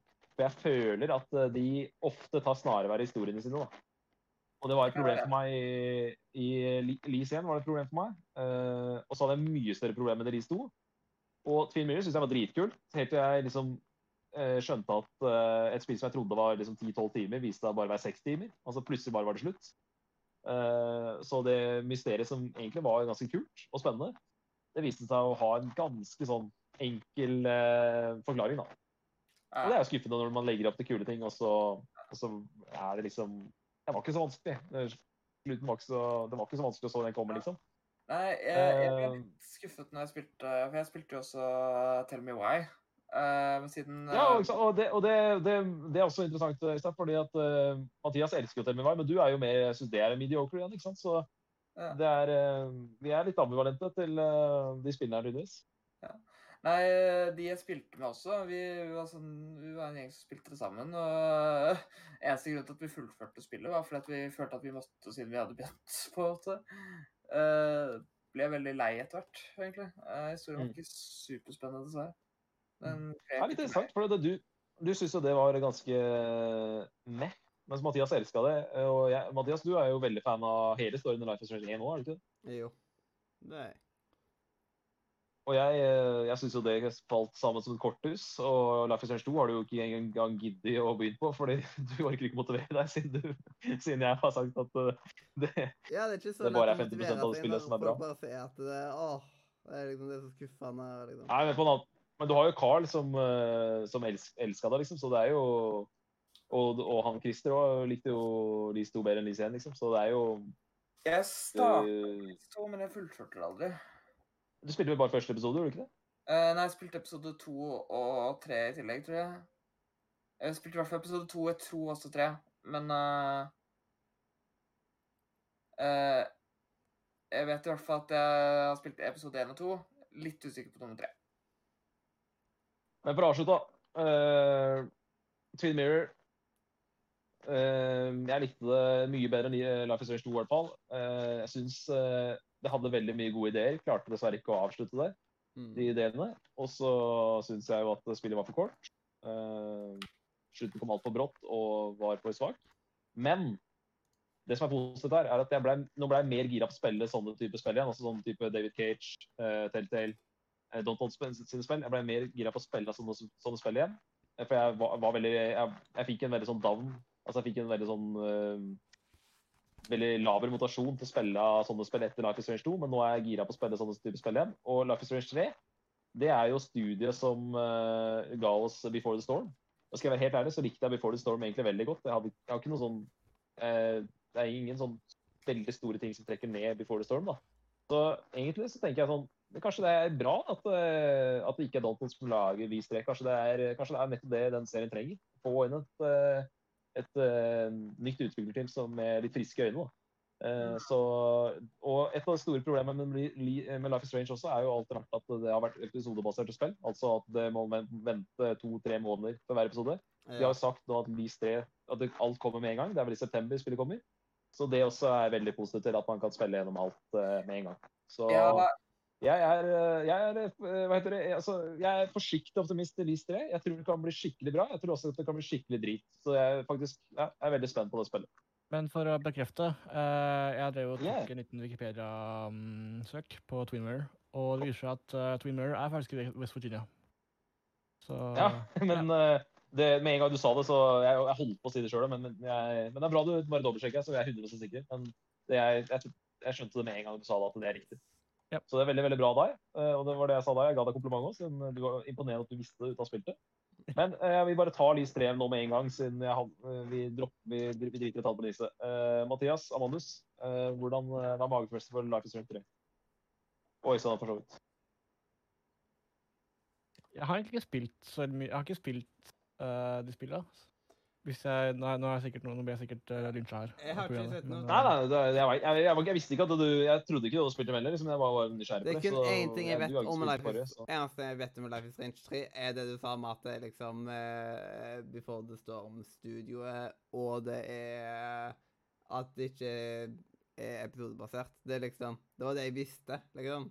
Det er det eneste jeg visste slash vet om Life is Strange 3, Ja, så jeg men- har egentlig sånn ingen sånn tanker om hva, siden det kommer neppe til å ta videre på noe som helst av det som vi kjenner fra før av, tror jeg. Men kommer du, til, kommer du til å spille, da? Kommer du til å spille, for å si sånn? Er du, er, nå, er jeg, nå er jeg mer sulten på å spille Telltale-spill igjen.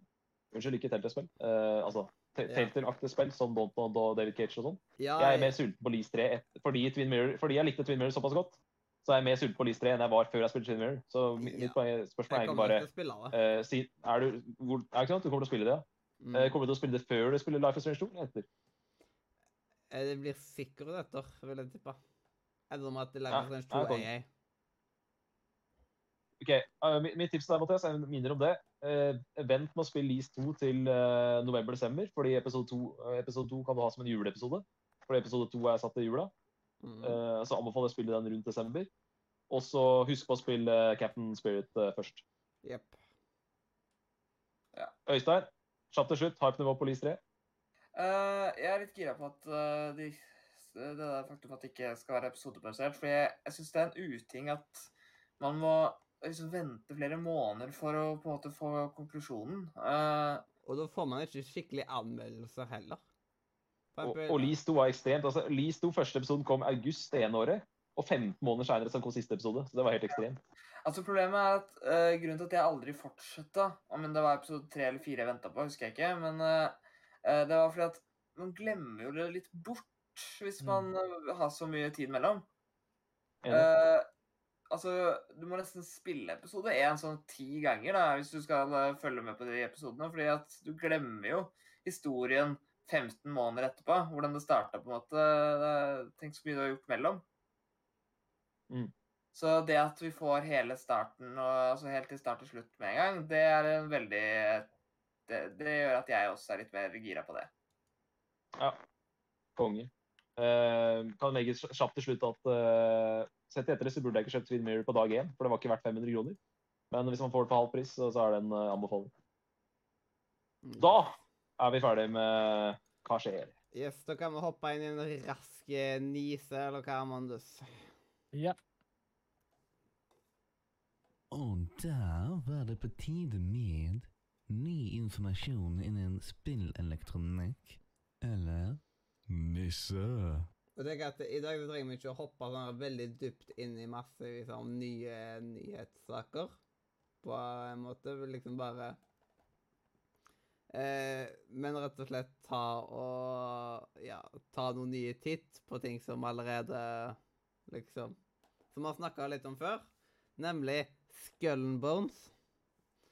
Og at det var igjen tatt og utsatt et år. At det ikke bare er kansellert. eh, Altså, jeg føler at eh, spillet aldri kommer, jeg. Yes. Jeg, jeg tror de Jeg føler at det på en måte At de har på en måte tatt litt eh, At litt disse utsettelsene kan ha litt med Sea of Thieves å gjøre. På grunn av at Sea of Thieves er jo et av de mer spilte spillene for tida, liksom. Det er blitt skikkelig populært nå. Eh, det har jo en ny renessanse, spesielt nå, ettersom de lanserte seasons og sånt. Og det kan jo være at de ønsker å være mest mulig ulikt ifra Sea of Thieves òg.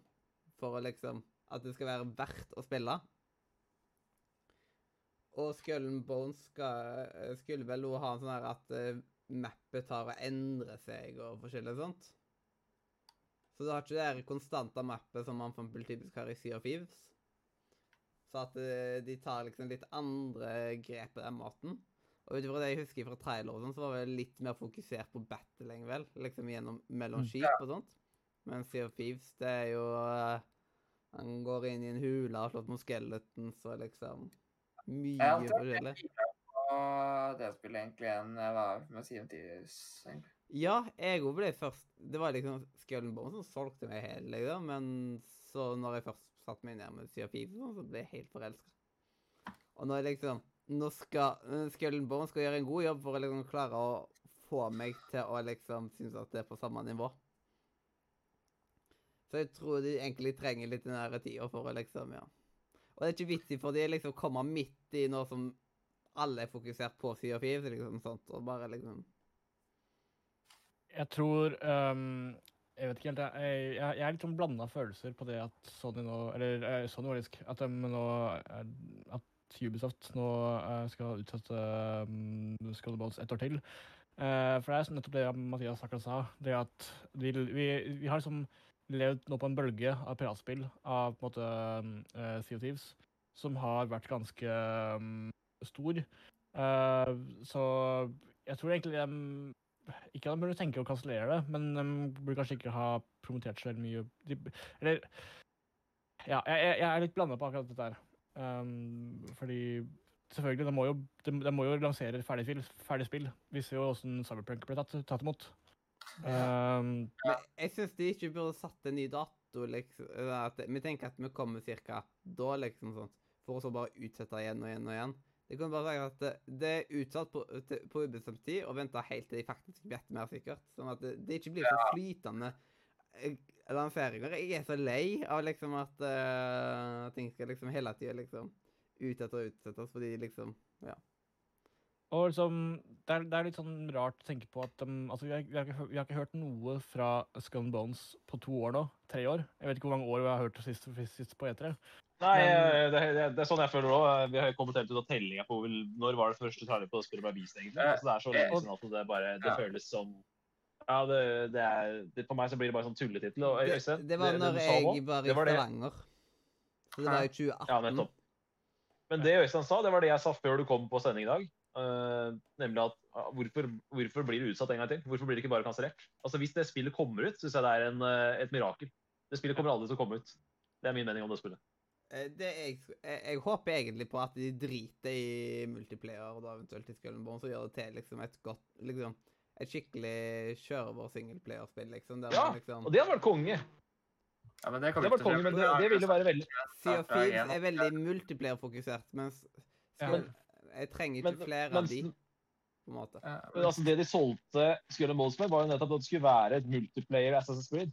Altså du tar sjøkampene fra AC Black Flag og så lage et multiplayer-spill ut av det. Så hvis de da omgjør hele spillet til singleplayer-spill, så blir jo det veldig ikke Skull mot. Da. Ja, det blir veldig rart. Det blir som å markedsføre en hamburger og servere pizza. uh, altså, det Ja, basically. Ja, det er helt sant. Nei, Men, men, jeg, markedet altså, forandrer seg jo Det, hele tida. jeg kan Skal jeg være helt ærlig? Det er ikke noe spill de siste årene som jeg kan komme på at har hatt større problemer med utvikling enn det spillet her. De har sikkert skulta alt sammen tre-fire ganger og prøvd begynt på nytt igjen fire-fem ganger. Det, ja, men, men Cyberpunk altså Cyberpunk utad så hadde Cyberpunk kontroll. Så Ja, Cyberpunk var skuffende når det kom. Men eh, de, altså, det, det så ikke sånn ut utad. da. Det, var- de jobba med et spill. Det var jævlig gode folk som jobba med et spill. Her virker det som de ikke veit helt hva de skal lage. Ja. Ja. nei, men altså Derfor er ikke det at et spillet bytter navn og blir et singleplayerspill, sånn som Mathias sa, det er ikke helt utenkelig. Fordi de Eller vet at det de ikke er lage, nå sånn ser de krav om always online. Fordi det, Sea of Thieves er jo mer sånn games, game as a service-game, og liksom at det er always online og sånt. At uh, man må ha nett for å spille Sea of Thieves. Men Skull Bones at uh, At de burde ha multiplayer og singleplayer, men kanskje fokusere på en uh, på en god singleplayer-campaign. Det hadde jeg likt å se. Ja, men altså, helt ærlig, jeg, jeg tror kanskje at du har rett, at det kommer ut som et singleplayerspill når det kommer, men da, da kommer det til å endre navn, da, sånn som Immortals, Phoenix Rising. Det kommer til å bli det samme her. Uh, fordi at, uh, jeg- For meg så virker det som de ikke klarer å lage online-spill. At de har prøvd og prøvd og prøvd, men ikke klarer å få det til.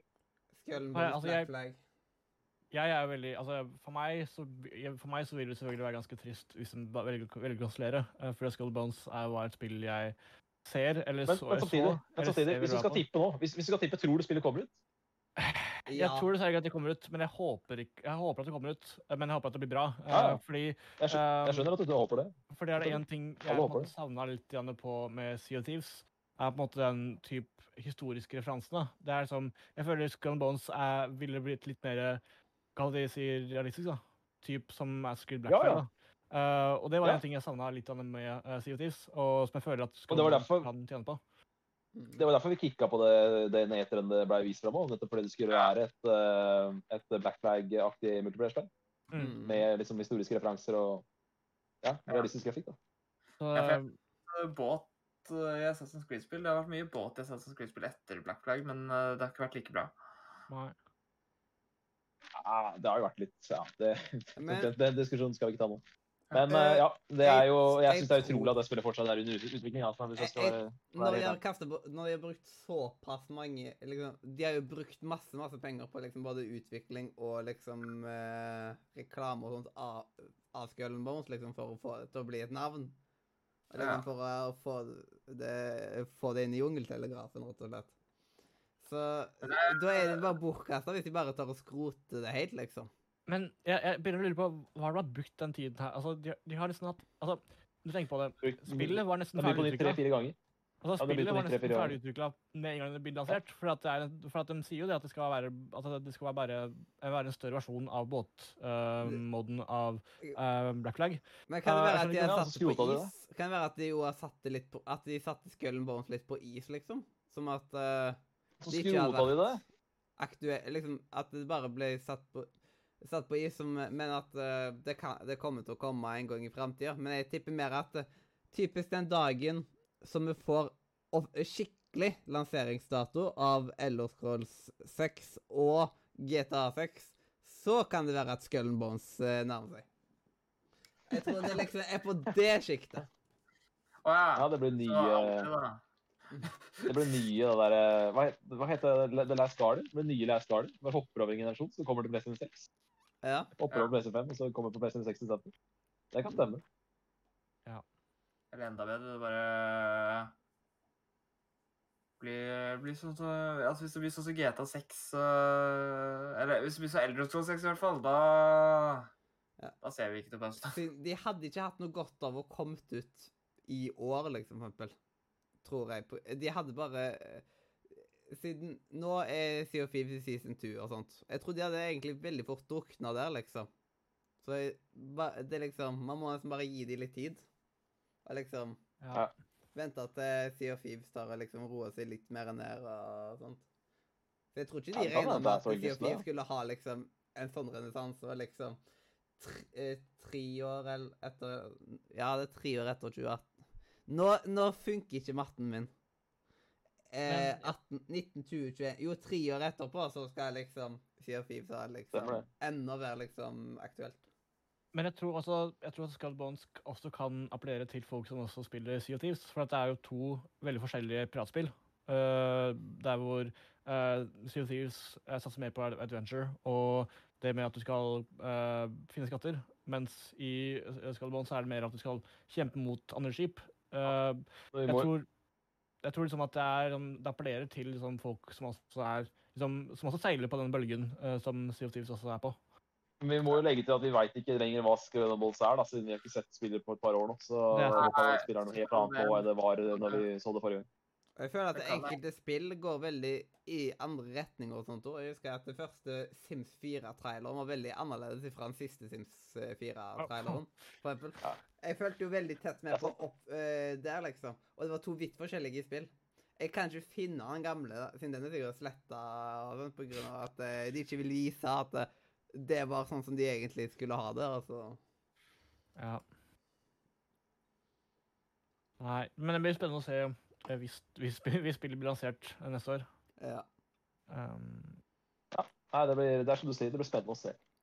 Men Greit, vi må, vi litt, vi må litt videre. Yes, og det jeg tenker at resten av nisespalten skal gå til i dag, er rett og slett bucketlister. Fordi det står inn på Nisekanalen, og da syns jeg at man kan ta det inn på Nise. Ja, det kan sikkert det. Yes. Da, Eh, bare, eh, bare etter 111 dager så kan vi endelig ta og høre Simensen. etere. Ja. Hype. Etere slash hype. Eller etere kolon hype. Spørsmålet der. Veldig stor hype. Jeg er veldig spent. For jeg har frihelg da, når det er E3, så åh, Konge. jeg Men gleder jeg er nysgjerrig på, nysgjerrig på Amandus. Det er litt viktig å liksom høre hvor eh, mye tid man har, og er klar til å være på sendinger og sånne ting. Dere vet jo selvfølgelig at etere ligger veldig, veldig um, oppi mitt hjerte. Uh, det var jo etere, um, En av de første etere Eller uh, første sendingen jeg var på, var vel en etere-spesial. Hvis jeg ikke husker helt riktig. Ja, Det var for første gang jeg var på sending sammen med deg. Så Ja. det. Eller kanskje, and, kanskje andre sending jeg var på. Men i, i hvert fall. Uh, det var Det å bare se på etere er veldig ligger ganske nært for meg. Eh, jeg kan huske veldig Mm. godt å følge med, være oppe hele natta og følge med på E3, um, et, altså følge med på E3-pressekonferansene. Ja. det som er spesielt, er jo at eh, jeg har bursdag midt oppi E3. Eh, jeg har bursdag oh, juni. nice, nice. Så, Ah, um, så ja. eh, jeg, forve- jeg, forventer, at eh, folk i LA eh, ikke skal skuffe meg akkurat der, på 12. juni. Nei, ikke sant. ikke Og så håper jeg på at vi, ikke får, at vi får en liten gjeng inne på eh, Discord til å liksom sitte i oppholdsrom og se på E3 sammen. og. Det hadde vært koselig. Ja, det, er konge. det hadde vært eh, amazing. Og- er det liksom en ting jeg savna, spesielt i fjor, så var liksom den der hypen den ene uka. Eh, der vi bare, alle, alle drev og spekulerte hva kommer til å skje, hva kommer til å skje. Alle så på pressekonferansene, kasta penner, kasta pinner, og uansett hva man har, kaster det på skjermen sin, knuser det alt sammen. Hvem bryr seg? Det var liksom, det er bare hør, det er bare se hypen i folk når det er et spill de har ventet lenge på, uh, blir lansert, eller får vite datoen på. Det er en av de beste opplevelsene jeg har i hele på året. Og jeg føler at Jeg har sagt det før, jeg føler på en måte at E3 er på en måte spillårets versjon av nyttår. Jeg føler at helt nytt spillår blir på en måte Er det julaften, som jeg og Mathias eh, pleier å si? Ja. Det er liksom et helt nytt spillår etter. E3. Så jeg, jeg føler E3 i år har veldig mye å ta igjen, og jeg håper at det blir ganske bra. Mm. Ja, jeg satser på at det blir Jeg håper veldig på at det blir en gøy eh, affære. E3-sendingene de er på en måte julaften, og så har vi liksom Game of the Year-sendingene, som er nyttårssendinger. Siden da er det liksom da er ny, uh, nytt ark, blanke ark og tegnstifter til. Og så er det liksom at uh, sant. nyttår er liksom skikkelig stor hype, og så blir man alltid uh, Det et eller annet man blir litt skuffa over på grunn av at eh, ah, faen, jeg fikk ikke med meg det spillet der på topplista. Og bare, det er liksom Ja, det er sant. Ja, nei det, Du oppsummerte bra der, Mandus. For meg så er det den hypen pluss spenneleken som jeg savner mest med fjoråret. mm. Uh, og så er det liksom Vi, vi så jo alle pressekonferansene i fjor, eller altså alle, alle streamene. Vi så jo alt. Men uh, det ble liksom vi, vi kunne ikke sitte samla og se dem, for det ble mye mer sånn Vi så dem når vi hadde tid, da. Yep. Mm. Jeg var Da på blir- jobb under en av, jeg, jeg, var jo, jeg var på jobb under en av uh, Under Microsoft sin pressekonferanse, tror jeg det var. en sånn. Ja, den, ene, den Sony som begynte så seint, så den tror jeg den valgte jeg å se dagen etter. Så da, det er, Og da er det over hele nettet. Øystein og Daniel. Øystein og Daniel der spamma meg ned med meldinger. Og så den ene var den Microsoft sin var mens du var på jobb, Mathias. Da, da drev jeg og spamma deg ned med meldinger. Ja. Så det ble, det ble veldig mye sånt.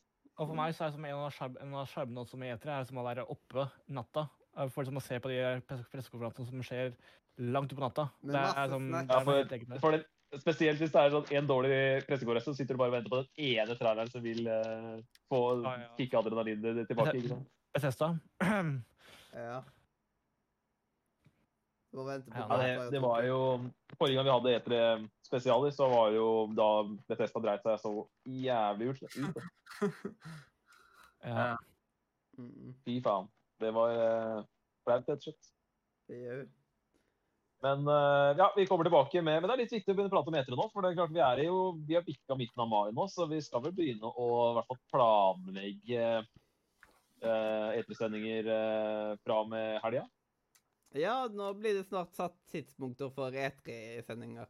Så cirka når når jeg er sant? tilbake i Kristiansand og har PC-en og sånn, så har man liksom mulig... øh, har vi skikkelig liksom Da er vi plass for Jeg jeg tror, jeg tror min, min neste sending nå tror jeg blir uh, pre-3. Mhm. Og da er vel planen Mathias, er vel at vi skal ha én pre-3-sending, to E3s uh, afterski og én E3-oppsummering da hypen har lagt seg. Ja. Så én hype på forhånd der man ikke vet noen ting. Eh, to eh, liksom To, da under er hypen. Men, Da er liksom- liksom Ja, under hypen, da. Ja, man, man, er, man, man er nå svett etter alle pressekonferansene, liksom. Stemmer Yes, da vi er litt overtrøtte, som vi pleier. Må ha den overtøtte stemninga som det pleier å være. Ja, og det bør være samme uka som den siste pressekonferansen er, liksom. Det bør være liksom i løpet av den uka, og så har man Det er planen. Og så har man liksom ett år på E3, så har man liksom sånn, OK, nå når vi hyper oss ut, nå skal vi snakke om det real deal. Hva, hva skjedde egentlig, liksom? Hvordan Bare landa litt. Før sommeren er i gang. Jeg syns alltid det er eh, gøy å, å, og, og liksom eh, se på Det er noen av spillene som har, man har endra mening på ikke sant? etter at eh, hypen har lagt seg. Så det er alltid litt gøy å se på det. Ja, altså, januar, januar det blir kapra av eh, årsspesialene. Og så har man liksom juni, blir kapra av E3-spesialer. Eh, Absolutt. Og så, det er liksom det, er det som er med oss i år. Og så har man liksom på høsten og eh, til, eh, jul og sånn, så er det jo julespesialer eller julekalender eller noe sånt. Stemmer det. stemmer det. Apropos, Manus. Apropos, eh, du husker E3 i fjor? Altså det som var E3 i fjor, da? Ja. Det, det spillet som du og jeg hadde mest til felles, det var jo det der show nye Sherlock Holmes-spillet. Så det blir spennende å se hvor det blir. Åh, jeg, Har ikke hørt noe mer om det siden E3 i fjor. Nei, men det er det som er sjarmen sånn, med er det som er med etere. Det er sånn du får bare igjen mystisk Altså, du får bare hjemblikk av spillet du har hypa deg for. Ja, jeg er enig. Og så må vi få, vi må få trailer på Hogwarts. Hogwarts Legacy må vi få ny, Ja, ny trailer. ja, Det må vi ja. Da, vet du hva, da skal jeg sitte klar med liksom, med alle pennene mine, bare hive hele penneska. Ja, men det, det syns jeg faktisk eh, vi fortjener. For det spillet skulle tross alt komme ut i år. Så de må kunne Ja. gi, vi, gi oss noe mer. De må. Ja, og det, det kan fortjene to penner i hypens øyeblikk. Jeg ja, gleder ja. meg. I Men tenk- aller høyeste grad. Men tenk hvis dere får release date, da. En ordentlig re- re- release date. Eller har det kommet til å Jeg bryr meg ikke om, for at eh, Jeg bryr meg ikke om, for jeg stoler ikke på den release-daten uansett. Nei. sant. Men om det plutselig februar blir- 2022, liksom? Hvis de bare sier Oh, by the way, eh, det kommer om eh, to måneder, liksom, eller sånn, så, så får du gullpennen, liksom. Det kommer, det kommer ikke til å skje at liksom bare plutselig at eh, Ah, sorry, med, med, med Sorry. Ja. Ja, Shadow Drop og Hogwarts Legacy. Det hadde vært noe. ja. Å, da hadde jeg begynt å grine. Altså, jeg elsker sånn Nei, men fader. Åh. Nei, bare, bare prat. Nei, altså, jeg, jeg, jeg, altså hvis jeg kan komme med én spådom til uh, E3 i år Jeg vet at dette er kanskje litt feil sending, men jeg har én spådom til E3 i år. kom igjen, kom igjen. Eh, Kjør på. Og det er at jeg tror at det kommer til å være ett spill i E3 i år som kommer til å bli releasa samme dagen som det, kommer, som det blir liksom eh, Som yeah. blir preview, ja. Eller yeah. blir eh, Shadow frem. Shadow, Shadow, en Shadow Drop, drop. Eh, ja. Det er, sånn, det er to det er, altså, et, altså, Utviklerne har hatt to år på seg til å gjøre klar E3 i år. De må definitivt ha noe ferdig, tenker jeg da. Og da Og så er det og så en siste ting, uh, Mathias, før du avslutter her nå. Det er at uh, det blir spennende å se om Sony klarer, legger uh, sendinga si uh, nærme nok uh, E3-dekninga vår til at de kan være med på venteleken. Ja. Jeg krysser fingrene for det. Det hadde vært nice med å ha Sony med i penneleken vår. altså. Fordi sånn er hjertet velkommen til bare vår pennelek, selv om at de ikke får vært med i level up sin. ja, godt poeng. Godt poeng. Mens EA kan bare okay, ryke og reise.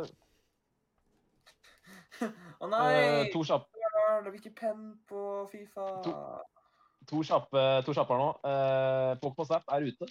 Øystein har spilt det og er fan. Veldig, veldig bra. Mm. Og så er det et annet storspill som ble lansert eh, rett rundt eh, Pokémon Snap, nemlig Resident Evil 8 Village. Ja, det har jeg ikke fått spilt ennå. Det gleder jeg meg til. Yes. Men nei, nice, nice. da tenker jeg at eh, vi Da, Mathias. Men giva eh, løs. hvis vi, fortsatt, hvis vi fortsatt er på Nise, så kan jeg annonsere en annen ting som var litt gøy. Fordi Flere det er ting jeg glemte, så er det en nyhet, men jeg glemte også å si det på hva skjer. For jeg var med å arrangere et lite I fjor arrangerte var jeg med og arrangerte 17. mai-arrangement, og det ble arrangert i år også. Og vi hadde over 37 000 uh, forskjellige brukere innom uh, i løpet av nasjon, på nasjonaldagen på den Minecraft-serveren. Så det var litt gøy. Uh, Yes. å lese rundt. Ja. Eh, og da får vi gå over til bucketlistene. ja. Eh, og da lurer jeg på om vi får Simen sin uh, bucketlist nå, eller om han har tatt en orgasmepause rett før eh, det store smellet. Yes. Um, da Venteshow. Yes, men jeg lurer bare på eh, Trampe. Klarer du å komme med en bucketlist på liksom stående fot? For da er det da spill fra i fjor som jeg Nei, skulle ha spilt? Det, det kan være spill ifra når enn. Det kan være spill som kom ut, har kommet ut i år. Det kan være spill som Det kan være pong for den del, liksom. Det er bare spill du ønsker å få prøve å spille i løpet av året. Jeg kan prøve. Yes. Uh, jeg noter din, det kommer til å bli bare noter deg Nero som at du får posta din nisse etterpå. Så ser vi Ja. over dit til neste, ved neste skillevei, eller noe sånt. Å Jeg vet ikke om dere leste opp min, for jeg var ikke med på sendingen. Men jeg skrev, jeg husker jeg skrev lista og sendte. Jeg vet ikke om dere leste opp min. Jo, jeg mener på at vi leste opp din. Jeg husker bare at jeg ikke var her. Ja. Men uh, jeg husker jeg skrev opp listen i hvert fall. Mm. det, det er viktig å ha med den, vet du. OK. Så har du noen eh, tanker, Amandus? Hva tenker du på da? Av Jeg spill, har mange tanker. ja, av spill du ønsker å spille i løpet av året? Uh, jeg prøver å finne ut av det, men uh, er det ett spill som jeg kommer på hodet nå? Ehm, dere har snakket mye om Bully, uh, ikke Ja. sant? Mm. Ehm, og snakket mye, sku- skutt mye om det. Jeg har egentlig aldri spilt Bully. Eh, det ligger vel på Ja, det ligger på Steam. Um, og det er faktisk et spill som jeg egentlig har lyst til å spille, hatt lyst til å spille. For litt sånn litt åpen verden, men også litt sånn her tenåringsdrama. Um, som ja, kunne vært litt morsomt. Yes. Har du flere? Ikke som jeg kom på nå, nei.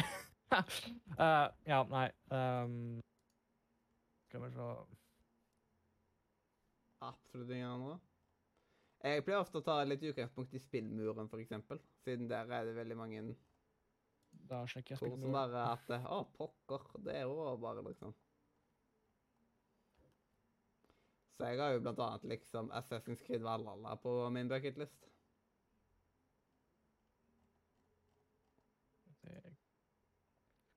Og så har jeg Gris på bucketlista mi, mener jeg på. Og det har jeg ikke fått surra meg til å spille ennå.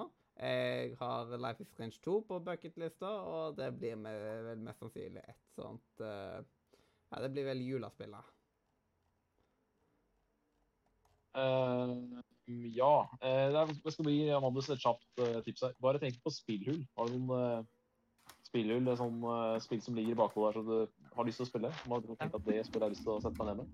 Det er det jeg prøver å finne ut nå. Eh, så er det jævlig kult at du nevnte Bully, da, for jeg har faktisk eh, kjøpt det på nytt igjen nå, på PS4. Jeg tenkte at, eh, Nå er det drøyt ti år siden jeg spilte, så jeg tenkte jeg skulle gjøre i litt sånn nerdelandsdag eh, Har det holdt seg eh, Har det inspirasjon? Så tenkte jeg skulle kjøre gjennom Kjøre gjennom min andre gjennomspilling med et av mine favorittspill. I hvert fall til PS2.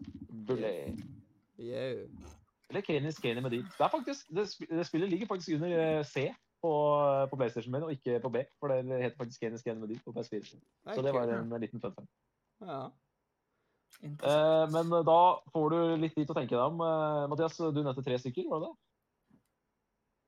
Um, ja, jeg tok og nevnte noen ja, bare ut ifra når jeg bare så på spillmuren. Jeg har jo dritlang liste inne på Ah, ja. Nei, men Life is Strange 2 som julespill, det hørtes ut som en god plan. da. Mhm. Mm. Uh, men da får du litt eh, Da kan du, da har du, da kan du kjøpe deg litt tid, tid, for da, nå skal jeg dra over min, min liste, Manus. Det skal jeg gjøre. Den er, den er stor i år. Ja, jeg lagde bare en Eh, topp ti. monsterstor. Er det lov å si, Ja, det er- som eh, Stian Blipp har sagt? Du må jo få lov til å lage så stor du vil, eh, Øystein. Ja. Eh, Så hvis du vil ta en topp 10, så er det helt greit. det. Men eh, jeg har følgende spill som står igjen fra 2020, altså spill som jeg burde spilt i fjor, men som da ikke er visket ut fra lista, dermed står igjen til 2021. Det er eh, det gode gamle RPG Maker-spillet To The Moon. Det er Luigi's Mansion 2. Det er Luigi's Mansion 3. Det er Telltales Game of Thrones. Det spillet begynte jeg faktisk på i helga fordi jeg ble gira etter å ha spilt Twin Mirror. Måtte ha noe mer storyfokusert story- eh, spill med valg, så da spilte jeg den første episode av Game of Thrones-spillet, så nå er jeg i gang. Hellblade, dette eh, Ninja Theory-spillet som får en oppfølger eksklusivt på Microsoft. Hellblade 2 er jo Xbox dash PC eksklusivt. Night in the Woods, Nice. klassiker. Det er nice. Hollow Knight, dette Metroidvania uh, Metroidvania-aktige spillet. Mhm. som uh, har blitt et av Carl sine favorittspill. Super Mario Odyssey, som jeg er godt i gang med. Zelda Links Awakening, dette, dette Switch, eh, denne Switch-remaken av et Game of Color-spill. Mm. Man Owe Me Down, uh, fra studioet bak Until. Og det spillet spilte jeg. Eller det er fantastisk. Ja, du har jo dratt, dratt gjennom både det og litt låt, har du ikke det? Jo. og gleder meg til Death Stranding står Death Stranding har jeg begynt på, men jeg har skrevet 'fullføre' bak, eh, bak det. Mm. Prøve å fullføre Death Stranding. Det tror jeg ikke jeg kommer til å klare, for jeg skjønner at der er ikke motivasjonen. Er, eh, omtrent alt annet jeg har lest opp til nå, har jeg større motivasjon til å gå tilbake til enn Death Stranding. Så det tror jeg ikke kommer til å gå. Men det står nå på lista. Arrives må fullføres. Reve Journey, altså, altså med den fulle tittelen Spirit of the North, Mm. må selvfølgelig fullføres. Mathias sitt uh, spill han burde ha platinum på, Mosaic, står på lista. Mm. Valfaris står på lista. Og så et spill som er åndelig oppfølger til det spillet som nederlandslaget prater om i dag, i uh, Har det holdt seg-spalten, nemlig Castlevania Symphony of the Night. Det spillet heter da Bloodstained Ritual of the Night. Ja, det er. Fortsatt på lista. Nå, det, det har kom, grunnen til at jeg ikke har begynt på det, er fordi at jeg fikk meg en Switch, og da fikk jeg mulighet til å spille Ori. Ori har liksom vært mitt, uh, min Metrovania-prioritet. da. Mm. Den ser jeg. Star Wars Jedi Fallen Order er jeg nysgjerrig på, og har kjøpt det, så det står på lista. Untitled Goose Game, man trenger litt uh, useriøst, man trenger litt sånn enkle, useriøse spill eh, i livet sitt også, så Untitled Goose Game er på lista. Det er også At in Time. Det er også fortsatt mitt spillmurspill. Ja, Uh, den har du hatt der lenge. det spill... Jeg gjorde comeback med Hat in Time i helga, faktisk. I langhelga. For jeg, et, jeg hadde, hadde skikkelig gaming-langhelg i helga, så jeg gjorde comeback. Men jeg sliter med det spillet nå. ass. Nå har jeg spilt så mye Mario, så det er vanskelig å gå tilbake til spillet der etter å ha spilt så mye Mario som jeg har gjort det siste halve året. Så Nei. eh, det Er det noen år siden jeg spilte det. Det- nå. Jeg er usikker, altså. Jeg er usikker om jeg klarer å motivere meg til å spille det ferdig, faktisk. Mm. Eh, Ja. jeg, kom, jeg har kommet til den toglevelen, der du skal finne sånn, hvem, som Ja. det der, hvem som er morderen. Ja, Det syns det var skikkelig drit. for Jeg syns level-designet på den toget var jævla drit, så det likte jeg ikke. Jeg, synes jeg elska jo bossen. Jeg elska jo bossen i uh, Mafiatown. Og Øystein har sagt at siste bossen er, en, er noen av de kuleste plattformbossene han har spilt. Så det er egentlig grunnen til at jeg har lyst til å spille det spillet. Jeg har lyst til å se bossene. Ja. Nei, eh, jeg spilte det nylig opp igjen. Ja, du gjorde det. Mm. Konge. Faen. Du må hjelpe meg med den eleven. Kan ikke du, er det mulig som skjer for deg? Kan ikke du ta den der er uh, faktisk toglevelen for meg? det, det, det kan jeg jo gjøre. Det er kjempegøy. Er det mulig? Uh, Går det an? Uh, share jeg har, jeg har aldri brukt den shareplay-funksjonen, så Men Vi kan prøve, da. Skader ikke å prøve. Mm. Ja, for jeg syns det var veldig jævlig hvert fall. Eh, Ja. Så når liksom jeg, jeg kan spille Super Odyssey, så blir det veldig vanskelig å spille Hat in Time. Problemet mitt eh, med- det toglevelet er at jeg elsker ideen, men uh, det er veldig rart utført. Fordi uh, det mysteriet er litt sånn Jeg vet ikke hvor hvordan vi skal spoile, men for å si det sånn eh, Det er ikke så mystisk som uh, man skulle tro. Mm. Nei, det er bare tull. For meg så ble det bare tull og tøys. Uh, men stemmeskuespillet var morsomt. da. Jeg likte veldig godt han der, eh, aksenten til han der konduktøren. Han var morsom. Ja. Siste spillet som står igjen fra 2020, det er Gris. G-R-I-S. Og Ingen av har eh, spilt Gris? Hvorfor? Jo, men jeg har, jeg har starta på det, Øystein. Jeg har det. Men uh, syns det var litt Det også var sånn derre Jeg sto litt fast, og så bare gadd jeg fortsette på det. Og ikke si noe, Øystein. Du gadd ikke å fortsette på God of War, så vi har alle våre spillhull. Mm. OK, da er vi ferdig med 2020-lista. Dette er de nye spillene som eh, er nye av året. Kentucky Route Zero, dette indiespillet, episodebaserte indiespillet som Rune og Frida skrøt opp i skyene, er på lista mi. I fjor så spilte jeg Judgment, et av mine favorittspill fra 2020. Altså et av de Det havna på topplista mi, da, det sånn. Det havna på topp 10-lista mi i 2020. Eh, Så da bestemte jeg meg for å spille Yakuza-serien. Så jeg har lyst til å spille hele Yakuza-serien og spille, prøve å pløye meg gjennom den. Og da er det Yakuza Zero som står her. Paper Mario uh, har jeg på lista. I fjor så spilte jeg Sekiro. I år så skal jeg spille Bloodborne. Uh. Eh, Carry On. Dette også litt sånn Metroidvania-aktige spillet der man spiller som et monster. Uh, så dritkult ut. Så det må vi spille. Jeg har spilt Bloodborne brettspill. Mario Du har det, ja? Nice, nice, nice. Og så, uh, Jeg har ikke spilt XCOM, Mathias, men jeg har spilt Mario Radless Kingdom Battle. Så det, det spiller jeg kommet så langt på jeg nesten kunne kryssa det ut av lista. For det har jeg spilt uh, masse, masse, masse. masse. Uh, fantastisk spill. Mm. Twin Mirror det runda jeg over helga, så det kan jeg krysse av fra lista nå. Nice. Tell me why er på lista, så er spørsmålet om jeg får meg en Xbox i løpet av året. Hvis jeg ikke gjør det, så er det spillet uaktuelt. Mhm. Last Campfire, Mathias, det har vel du på din bucketliste?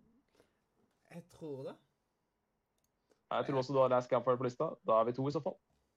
Little Hope er på lista. Eh, jeg må bare dra gjennom både det og Man of Medan.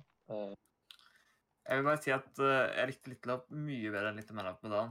Eh, så ja, det er det jeg har hørt òg. At Ja. eh, det er klart bedre. Så jeg er spent på, jeg er spent på det. Men jeg tenkte jeg bare skulle det er, med, De spillene er såpass korte at jeg tenkte jeg skulle dra gjennom Man of Medan også. Jeg har kjøpt det, liksom, så jeg må nesten dra gjennom det.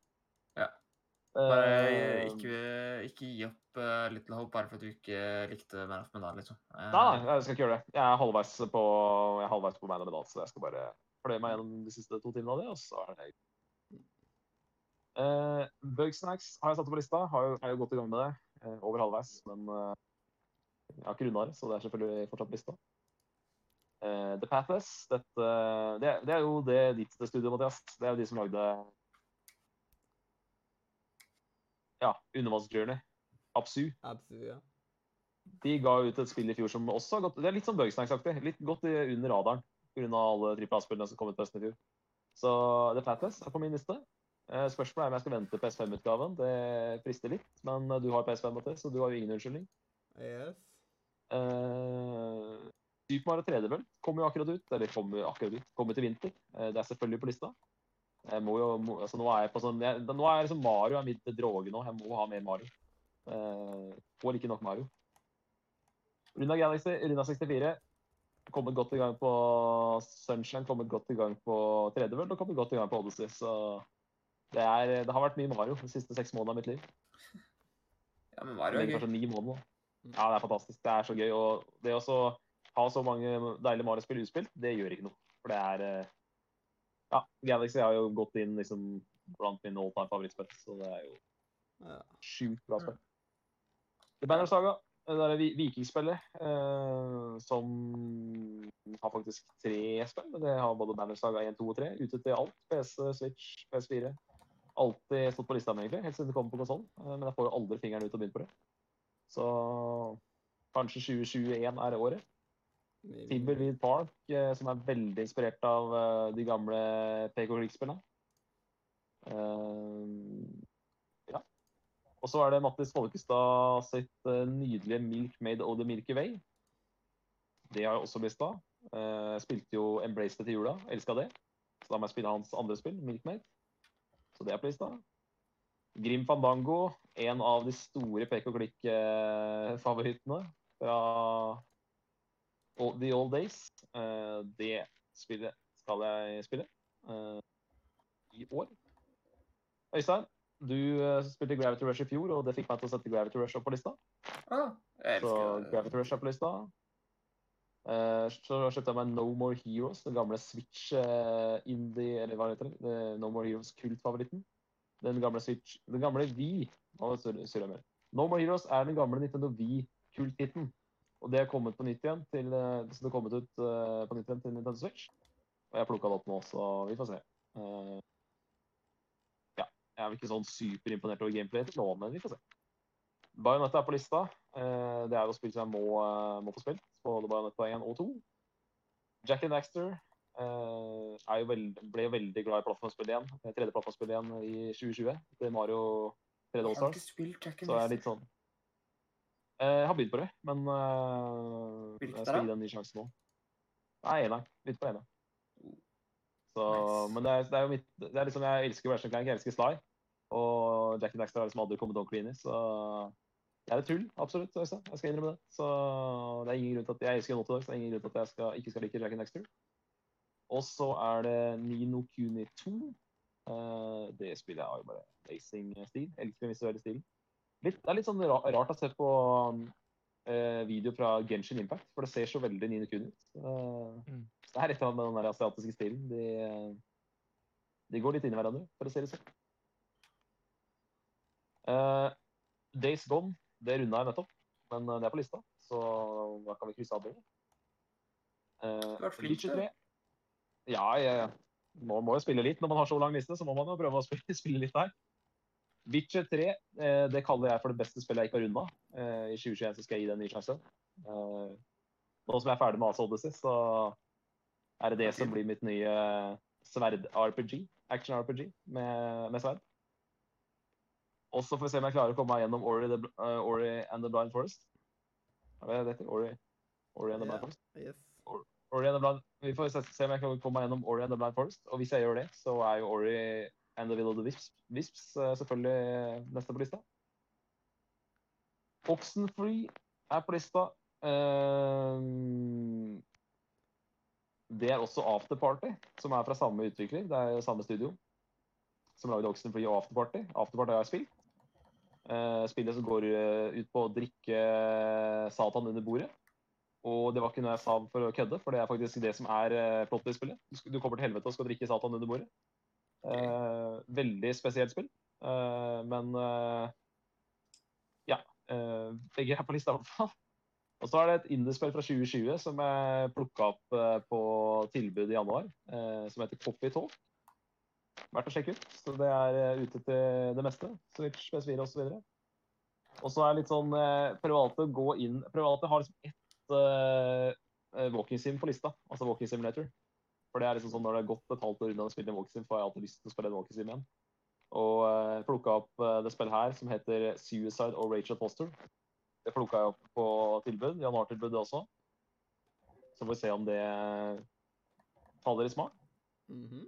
Og så er det en uh, spillserie som har hatt på lista i lengre tid, men har liksom ikke fått satt meg ned, for den har vært, kun vært tilgjengelig på DS og sånn. Men nå uh, var vel for et par år siden så kom den endelig ut til uh, alt av uh, konsoller. PS4, Switch, sikkert på PC også. Og det er rett og slett de gamle, de tre første Ace Attorney-spillene. Altså Phoenix Wise Ace Attorney. Ace Attorney. Så de tre første Phoenix Wise-spillene har kommet i en trilogi. Og den uh, har jeg selvfølgelig plukka opp. Og Switch er jo et perfekt spill å spille Ace Attorney på. Så der er jeg godt i gang. Det er jo Og så er det Ja, det er det, ja. Konge, konge. Eh, Når du sier det, så husker jeg faktisk det. Og så har jeg eh, Little Miss Fortune, som er sånn spill som jeg slang med her, fordi at jeg plukka opp også det på sånn Jan Arthur-bud. For det som skjedde, var jo Dere husker jo Cyberpunk? Var det som Cyberpunk. Mm. Det spillet kosta jo 699 kroner, og jeg var jo en av de eh, Det var vel Jeg tror det stod, kom opp statistikk på at det var 5% som valgte å få penga tilbake. Jeg var en av de 5 prosentene. Så jeg fikk jo 700 kroner å bruke på januartilbud eh, på PlayStation 4. Så da kunne jeg plukke opp en del indiespill til en eh, god penge.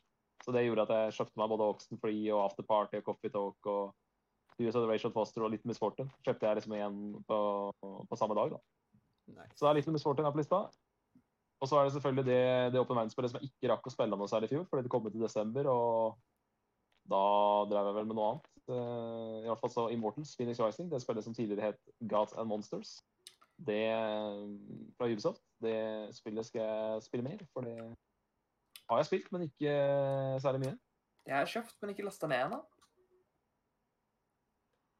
Og så har jeg tre spill til her. Uh, Vanishing, Vanishing, Vanishing of Ethan Carter. Også en sånn litt sånn walking simulator-aktig spill. Jeg husker jeg fikk en del uh, omtaler da det kom ut. Det er sånn spill som jeg tror jeg fikk det på, jeg tror jeg har fått det PS Plus en eller annen gang. Og så har jeg ikke lasta den ned, ikke sant? så jeg har liksom glemt at jeg har det. Så det hender jeg går, inn, går gjennom uh, biblioteket mitt på PlayStation og bare ser at faen, kan jeg spille der? Og Vanishing og Ethan Carter var sånn spill som jeg kom på at faen, det spillet har lyst til å spille. ikke sant? Og da er det Ja, det... at jeg setter opp på bucketlista. Det er derfor jeg satte opp på bucketlista, fordi at jeg ikke må glemme å spille det. Så det spiller jeg på lista rett og slett fordi jeg, jeg har alltid hatt lyst til å spille det, men jeg har rett og slett glemt at jeg har tilgang på det. Uh, og til slutt så har jeg da den norsk, de to norske spillene Tesla Grad, som jo er sånn eh, 2D ja, 2D-plattformer, eh, som jeg ikke har gitt nok sjanser. Og så til slutt da mobilspillet My Child Lebensborn, som jo, i likhet med han kameraten din, eh, Øystein, vant, har vunnet BAFTA. Ja. Så det var en lang og god liste, så får vi se. Jeg tror ikke alt av dette kommer til å bli spilt i 2021. Jeg får komme meg gjennom mye av det. Ja Jeg kan jo Jeg har bare ti spill, så hvis ja, jeg kan, Hvis ikke vi var helt sikre på For jeg var jo ikke her sist gang eh, når de andre leste opp listene sine. Kan jo lese opp Nei, bare kjør på. Ja, jeg skader ikke det. Skader Min ikke det. her, jeg også. Mm. Uh, så ti backlog-spill. Uh, jeg har fått spilt til 2021. Uh, nummer én er Persona 5. Det jeg starta på. Eh, God of War. Det starta jeg på. Jeg er litt usikker på om jeg kommer til å orke å fullføre det. The Last, uh, The Det, Last det er litt gøy, da, for at jeg, er litt- det her må, må jeg skyte på, for du likte jo ikke altså jeg, jeg, var ikke noen stor fan av Last of Us 2. Og det Ja. som ble hylla hardt av Level Up. Men det spillet som Level Up eh, har hylla like mye, altså Nick, Frida, Carl, Rune, alle elsker jo God of War. Så det at ikke du er superfan av det, litt morsomt. Ja, men det tingen- Last of Us 2, da. eh, forklaringen min er at jeg elsker historien, men jeg hater gameplay. Uh, så det er sånn Jeg skjønner ikke hvordan du kan hate gameplay i det spillet, for det er, det er jo sånn. Ja, men, ja, men det er så Jeg vet ikke, jeg bare syns eh, Jeg har hørt fra andre jeg har snakka med, at eh, det blir visst bedre senere i spillet. Jeg må bare komme meg dit, fordi det er sånn Jeg syns combaten bare Jeg vet ikke. Jeg er ikke så glad i Du, er du får rent rente om. God of War en annen gang. Sånn at eh, Ja. Vi har ikke tid Eh, til den der, uh, praten der i dag.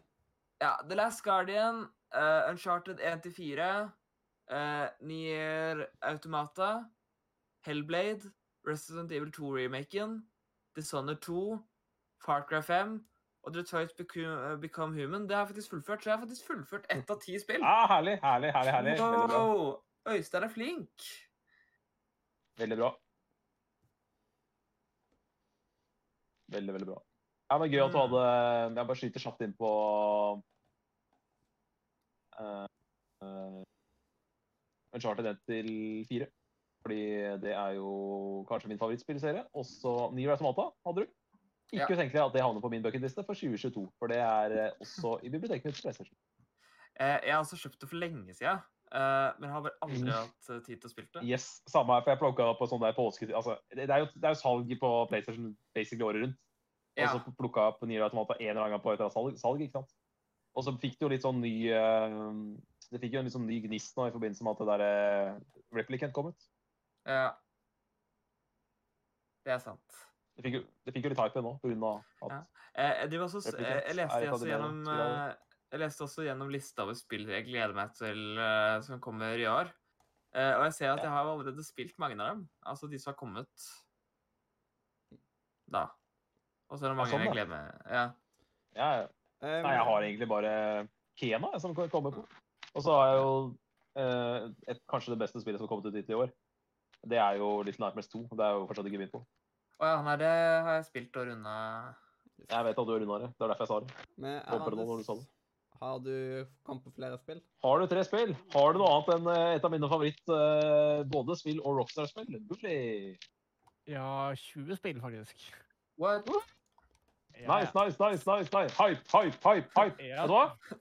Nå er jeg så gira som jeg kommer til å være mellom nå og etere. Det er jeg nå. For dette er skjønt på. Dette her, eh, dette her lyder godt i mine ører. Um, jeg skal begynne med en liten innrømmelse um, som er litt flau. Um, for dere vet alle hva min kjærlighet for strategispill er. Uh, første spill Yeah. er altså Total War uh, Three, Three Kingdoms.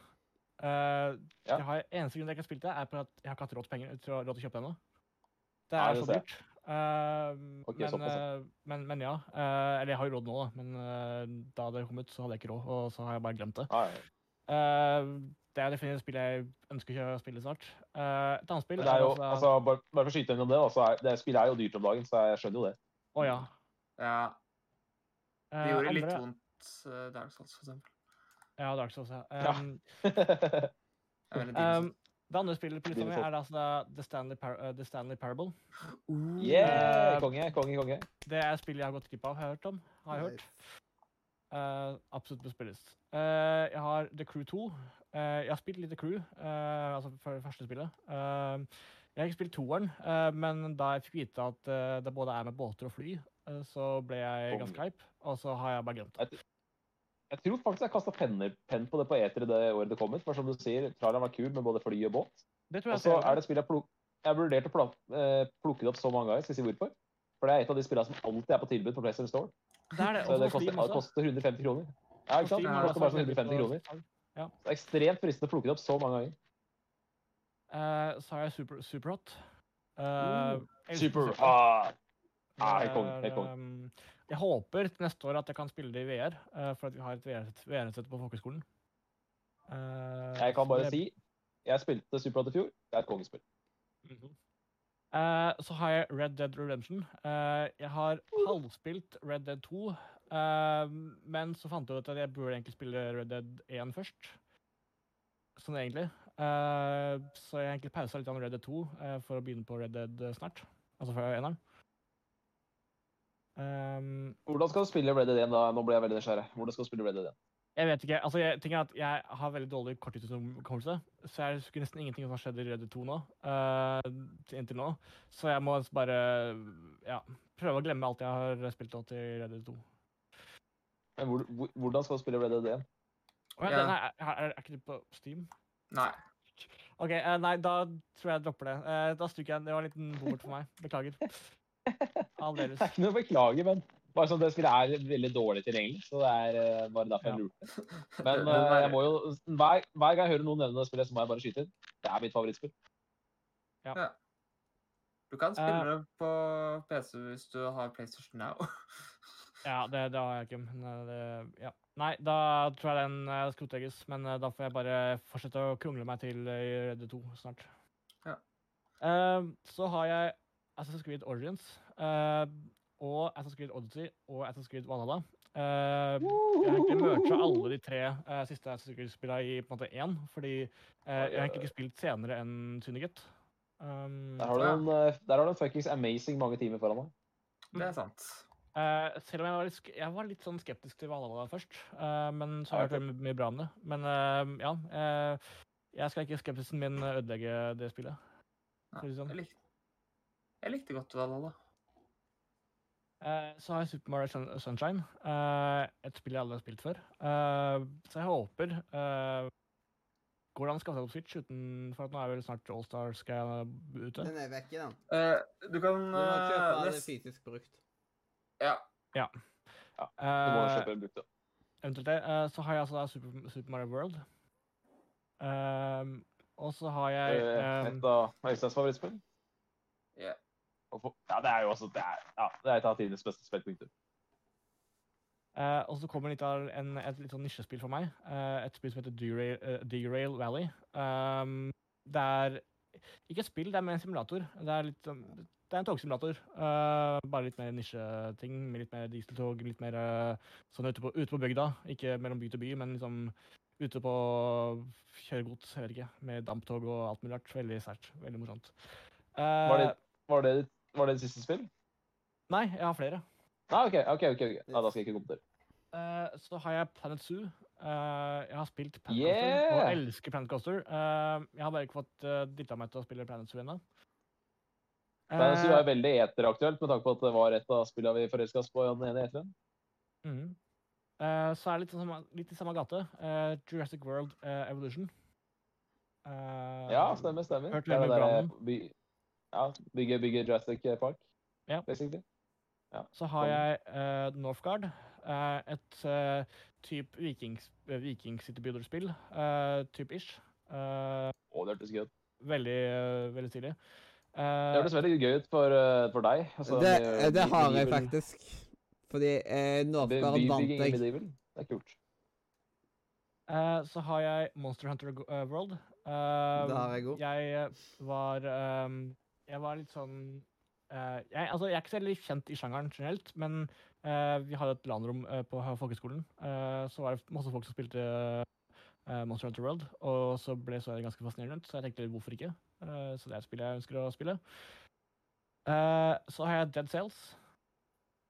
Eh, Ja, konge. Det spillet, ass. Å, herregud.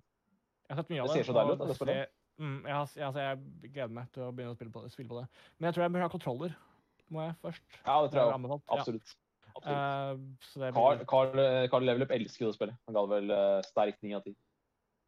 så har jeg, på lik linje som uh, Northgard, så har jeg så Valheim, Uh, som er en type City Ja, ja, ja. Jeg, jeg, ble, jeg var litt sånn der, når du sa det, så ble jeg sånn hva Er det, er det Valheim man mener? Jeg ble sånn usikker på hva var det du mente. Uh, så har jeg i samme retning også eh, Tropico 6. eh, eller Tropico 6. Yeah. Um, Tropico 6, ja. Jeg har spilt eh, noen Tropico-spill før, og elsker liksom, konseptet og bare hele Fun. Fun fact om Tropico 6, vant ikke det beste strategispillet hos oss Ja, for det eh, var siden? altså som var nominert. Vel fortjent. Alle elsker jo det spillet i radioen, så Det er det jeg mener. Så har jeg uh, Dyson Fair Program. Uh, det er et typ jeg jeg vet ikke om jeg husker Crubble Space Program da det hadde ut. Jo da. Jo, jo, jo, absolutt. Eh, ganske likt det, bare litt mer uh, overordna. Eh, ikke så veldig personlig. Eh, og på siste så har jeg da Persona 4. For det kom ut på! Steam for eh, noen måneder siden. Hmm. Faen, eh, det spillet er jo et stort spillhull for meg òg, så det, nå minte du meg på at jeg har et stort spillhull der. Så takk skal du ha. Nei, men eh, vet du hva? Amanus, Amanus, jeg likte lista di veldig veldig godt. Du pleier jo, som du sier sjøl, du er jo den som, av oss som har sterkest spillsmak. Eh, Du er jo opptatt av å dra fram disse nisjespillene dine. Men det jeg likte nå, det var at du hadde en del av disse nisjespillene dine, for det er jo en personliste, så det må jo være de personenes spillsmak. Det, det speila deg. Samtidig så hadde du veldig mye spill som jeg også hadde hørt om, så det likte jeg veldig godt. En god blanding der, vil jeg si. Takk, takk. Det var altså en liste som jeg klarte å komponere på rundt ja, ti minutter. Yes. Så, så, da Ja, det er knallbra, da. yes, så da håper jeg at dere to får tatt og posta Ja. listen deres i Nise veldig fort, som at dere at vi slipper å mase på det om en uke. Det satser vi på. Nå pleier, jeg pleier ikke jeg å bruke en uke på det, jeg pleier å bruke en helg på det. Ja. Eh, men eh, da tenker jeg at vi er ferdig med Nise, og vi kan bevege oss videre til eh, ukens rym. Ja. Konge. Ukens rym. Og i dag så skal vi rett og slett ta og rømme svømmehall. Svømmehall, faktisk. Yes. Er det der den. Bummer-band spiller? Jeg vet ikke hvem som kom med eh, det rømforslaget, men det sto på den lange rømlista. Og, og da, Ja da tar vi ut Eh, ifra oversikten. Så da Simen, du er først ut. Ja, Hva skal man si om svømmehall, da? Eh, hvis du ikke er spesielt glad i å bade, ikke er spesielt glad i å svømme, ikke er spesielt glad i klorvann, hva er det du skal gjøre i en svømmehall da? Ikke vet jeg. Eh, det har badstue. Det har dusj. Du kan være naken sammen med andre menn. Det er jo hyggelig, det. Eh, eh, og det er på en måte noe som ikke jeg gjør så veldig ofte. Etter at jeg slutta på skolen, så har jeg jo slutta å dusje sammen med andre mennesker. Så da Har du slutta å dusje? Det er ikke bra. eh, du- dusje sammen med andre mennesker. Så det er jo på en måte noe som jeg savner fra skoletiden. Så, men det er på en måte det er ikke det samme å dusje med fremmede menn som folk du kjenner. Så ja. Eh, badstue er kult på papiret, men det er jo egentlig ikke noe digg. For du får jo bare vondt i huet av det. Så hvor er det vi ender da? Når du har eh, skiftende nakne sammen med menn eh, dusje sammen med menn, eh, ikke liker jeg å svømme, ikke liker jeg å bade, ikke liker jeg klor i øynene.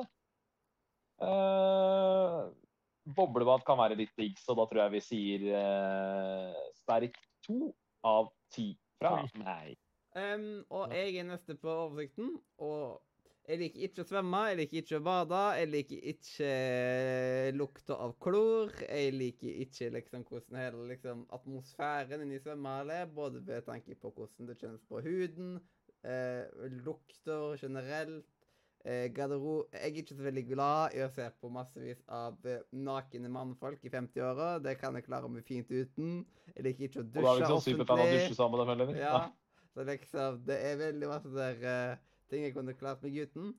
Badstue er jo OK, men liksom etter, eh, etter ett minutt så svetter jeg som en gris. Ja, Eh, og eneste er liksom Hvis de har boblebad, så er liksom det er liksom the savior. Men det er ikke alle som har det engang. I Haraldshallen og Tusenbergtunet, de, det som finnes altså i Haugesund, der har vi pokker meg ikke eh, boblebad.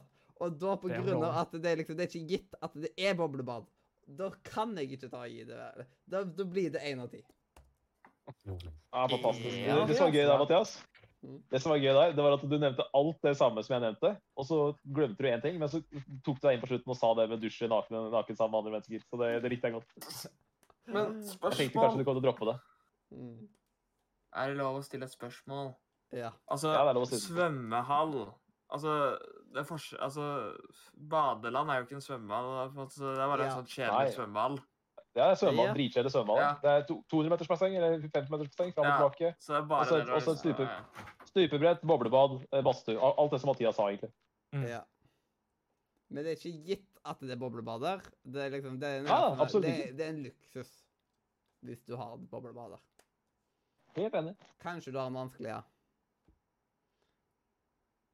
Så Øystein, du er neste på oversikten. Sånn. Eh, Beklager. Eh, I'm back. Yes, du er neste som skal Ja.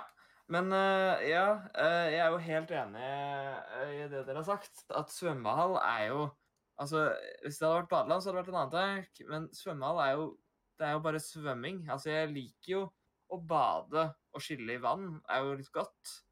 Men hvis ikke du har liksom de gøye vannskliene uh, og det som gjør liksom ting gøy med vann, så blir det litt dølt. Og så er det som dere sier, at det er jo ikke garantert at det er badstue som også er et høydepunkt. Så eh, Ja, og det å se nakne fremmede menn, det er ikke det, det verdens Det er ikke et høydepunkt, det heller, liksom. Uh, så jeg gir den fire, jeg, faktisk. For jeg, jeg er såpass glad i vann og bading, men uh, at hvis det ikke er noe bedre, så er svømmebadet OK. En fire? Ja. Yes. OK, og da er det kommer over til slutt. Ja. Eh, jeg er jo glad i vann, og sånn som jeg liksom det å svømme er jo Ja, jeg synes det er morsomt eh, og en god trening. Eh, for meg så er det garderoben som tar ned alt, alt, altfor mye.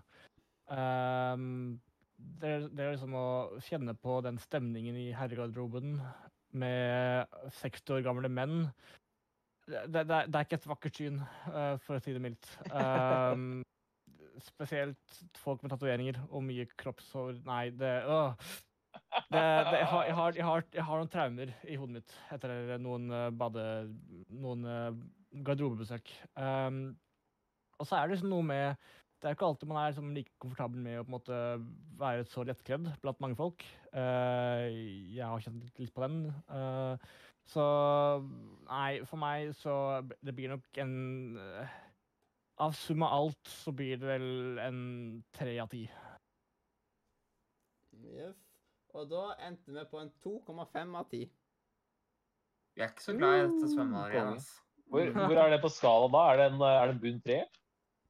Eh, den er veldig langt nede, ja, iallfall. Den er liksom Den er under snakking før og etter sanger. Eh, og den er under Er det flere ting den er under her? Eh, nå begynner litt å bli så lang, vet du, at det blir sånn Ja, den er Ja, jeg under- skjønner jeg skjønner. Den ligger under snitter. Eh, det ligger under Pepsi Max. Eh, den eh, tar og ligger til og med under Paradise Hotel. Eh, den, Wow. ligger der er god underholdning. den ligger rett under sennep. Jeg er enig at den skal under sennep Paradise Hotel og Pepsi Max. Det er jeg enig i. Det skal være iallfall ja, under sennep, ja. Så det er liksom, det er relativt langt nede. Eneste han er over, er vel covid-19, vel? Ja. Får Fordi Jeg syns egentlig covid-19 også Nei da. eh, eh, Covid-19 har 1,75. Jo, men, men her, her, her, tenk, tenk litt på nå. Takket være covid-19 så er alle altså svømme, svømmehallene er stengt. Ja. Godt poeng. alle badelandene alle, alle badelandene er også stengt. Jepp. Men eh, Nei, så jeg Ja. Skal ikke da, begynne å prate da covid-19. kan vi nå. vel gå videre til spillmuren. Eh, b- b- b- b- ja.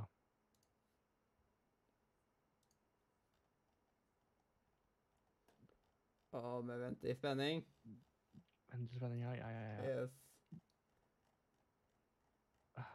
vel? Ja. We need to build a wall. Og da Deilig. Sindre Møller er greier. Glatyboy, Yes. du har Eh, ja, jeg har fått det ærefulle oppdraget av å putte en murstein inn i denne flotte muren vår. Og så er spørsmålet hva det skal stå på den mursteinen. Eh, nå har jeg vært så lenge borte fra sendinga at jeg har mista helt oversikten over hva som faktisk er i spillmuren, så nå må jeg ha litt hjelp. Ja. Eh, for eksempel eh, Mario. Hvor mange Mario-spill er det? Er for eksempel eh, Super 64 der? Um, Det burde det være. eh, jeg kan, jeg kan ikke se er Super Mario 64 av der. Hæ? Er Super Mario Sunshine der? Jeg tviler. Sunshine, det bør eh, Jo, det har jeg anbefalt. Er Super Galaxy der? Um, det er ikke der. Nei. Ja, men da tar jeg uh, det beste spillet jeg har spilt på ti år. Jeg, jeg tar uh, et spill som jeg nå anser som et av mine topp fem spill all time, liksom. Uh, Super Galaxy. Helt fantastisk Uh, 3D-plattformer. Ble blåst i bakken av hvor gøy det var å spille 13 år etter at det kom ut. Da jeg spilte det i fjor. Og uh, ja, det var uh, Det er et sånt spill som jeg hadde så lyst til å spille det når det kom ut i 2007. Og så etter hvert som tida går, så glemmer man litt hvor altså Man, man kommer seg liksom over det, da. Og at man ikke er for spilt, liksom. Og man ikke er en vi og alt det der.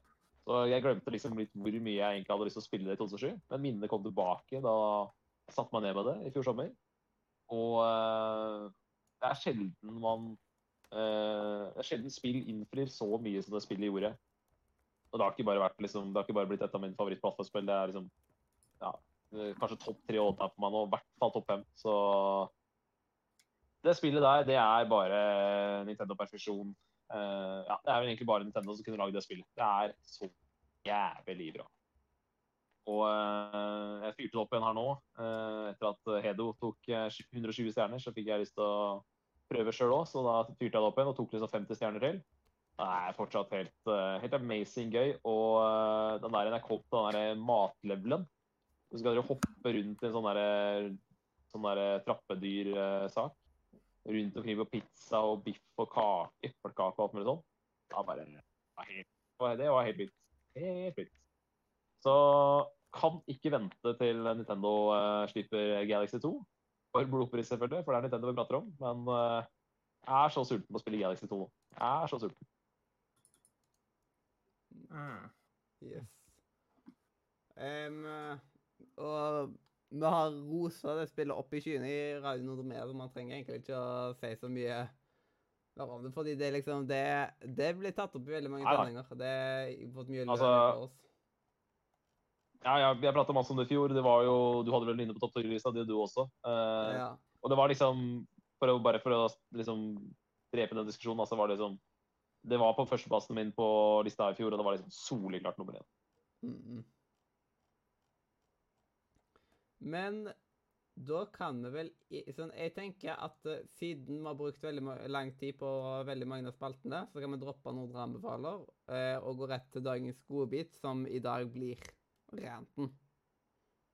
Ja. For å liksom korte ned litt, på grunn av at uh, nå begynner vi å komme Ja, jeg skjønner det. Vi har brukt uh, lang tid i dag, så jeg er helt så Vi begynner å nærme oss nederlandslaget. Eh. Vi begynner å nærme oss nederlandslagslengden nå. Så da er det på tide med godbit. Og godbiten i dag er at jeg skal ta og rante. Det er vel koseligere enn litt grann klaging? Eh, og i dag så skal jeg ta og rente om noe som enkelte sikkert har noe kjennskap til. Eh, det er eh, jeg, Kanskje noen eh, vil kjenne seg igjen, og kanskje noen vil bli litt overraska. Vi, vi får vente og se. Men i dag så skal jeg rett og slett rente om PayPal. Eh, og mange skryter over at PayPal er den sikreste måten å betale på nett. Eh, er greit nok det, men mine assosiasjoner eh, med de er helt annerledes. Mine assosiasjoner med PayPal er avgifter, dårlig kundeservice og en side som hadde feila kraftig på en usability-test. For jeg har, jeg har lenge godtatt med en klype bitterhet at paycheckene på YouTube og Patrion har blitt eh, redusert, men nå har PayPal gått for langt. Så nå er det tid for en liten storytime. Eh, Dette skrev jeg for en god stund siden, men eh, jeg sier selv om her om dagen skulle jeg kjøpe meg et par spill på Steam, hvor jeg mangla noen kroner i Steam-lommeboka.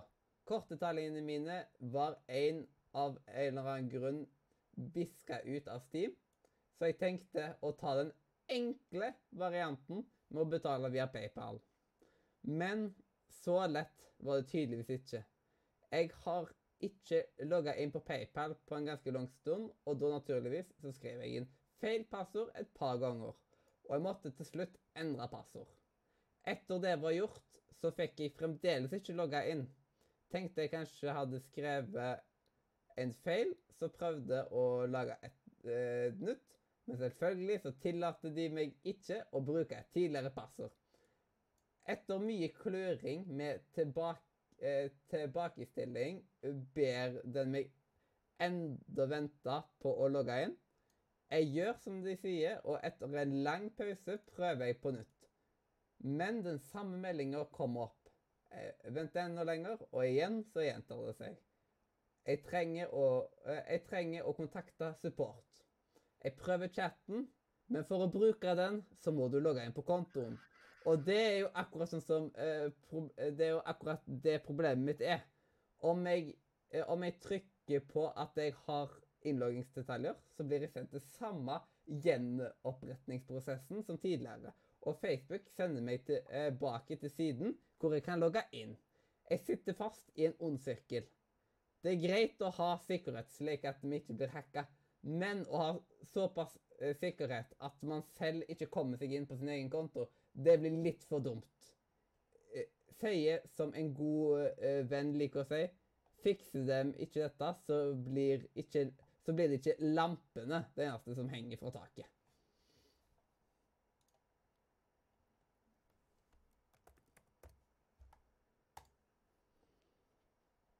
Var en tordentale.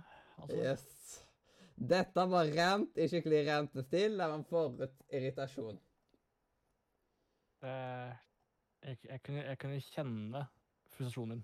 Hmm, ja, det var så mye. Det er akkurat som Øystein Sunde sin sang om at liksom Jeg kommer ikke på nettet, for Windows min er for gammel, og driveren er ikke den rette, men eh, de sier at man må skaffe en ny driver, og det må man skaffe på nettet. Så liksom, og da er liksom bare sånn ondskapsfull sirkel. Og da tenker jeg at vi rett og slett er i mål med dagens sending.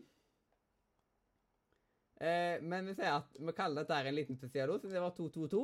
Og det var, det var akkurat 111 dager siden eh, vi egentlig hadde eh, der back, eh, backlog-greiene og sånt. Så det, det var nesten meninga at det skulle være akkurat i dag. Det skulle være sånn. At eh, for 111 dager siden så presenterte jeg min, og på 222 så fikk vi Glaty veien sin. Så Det var bare liksom sånt det skulle bli. Og da får jeg vel bare si tusen takk for at du hørte på. Enten om du hørte på, s- på Spotify, iTunes, din favorittpodkast-rap, YouTube, ja, you name it, hvordan du liker å høre på podkast. Ta og Sjekk ut linken i beskrivelsen, spesielt i skål.nordmedia.no, eh, for å joine et eh, flott eh, community. Eh, der man har alle slags type eh, kanaler som du kan få prate deg pratesjuk i. Uh, og da er det bare til å si hjertelig Farvel. Fra radio. Nordre Media! Uhu!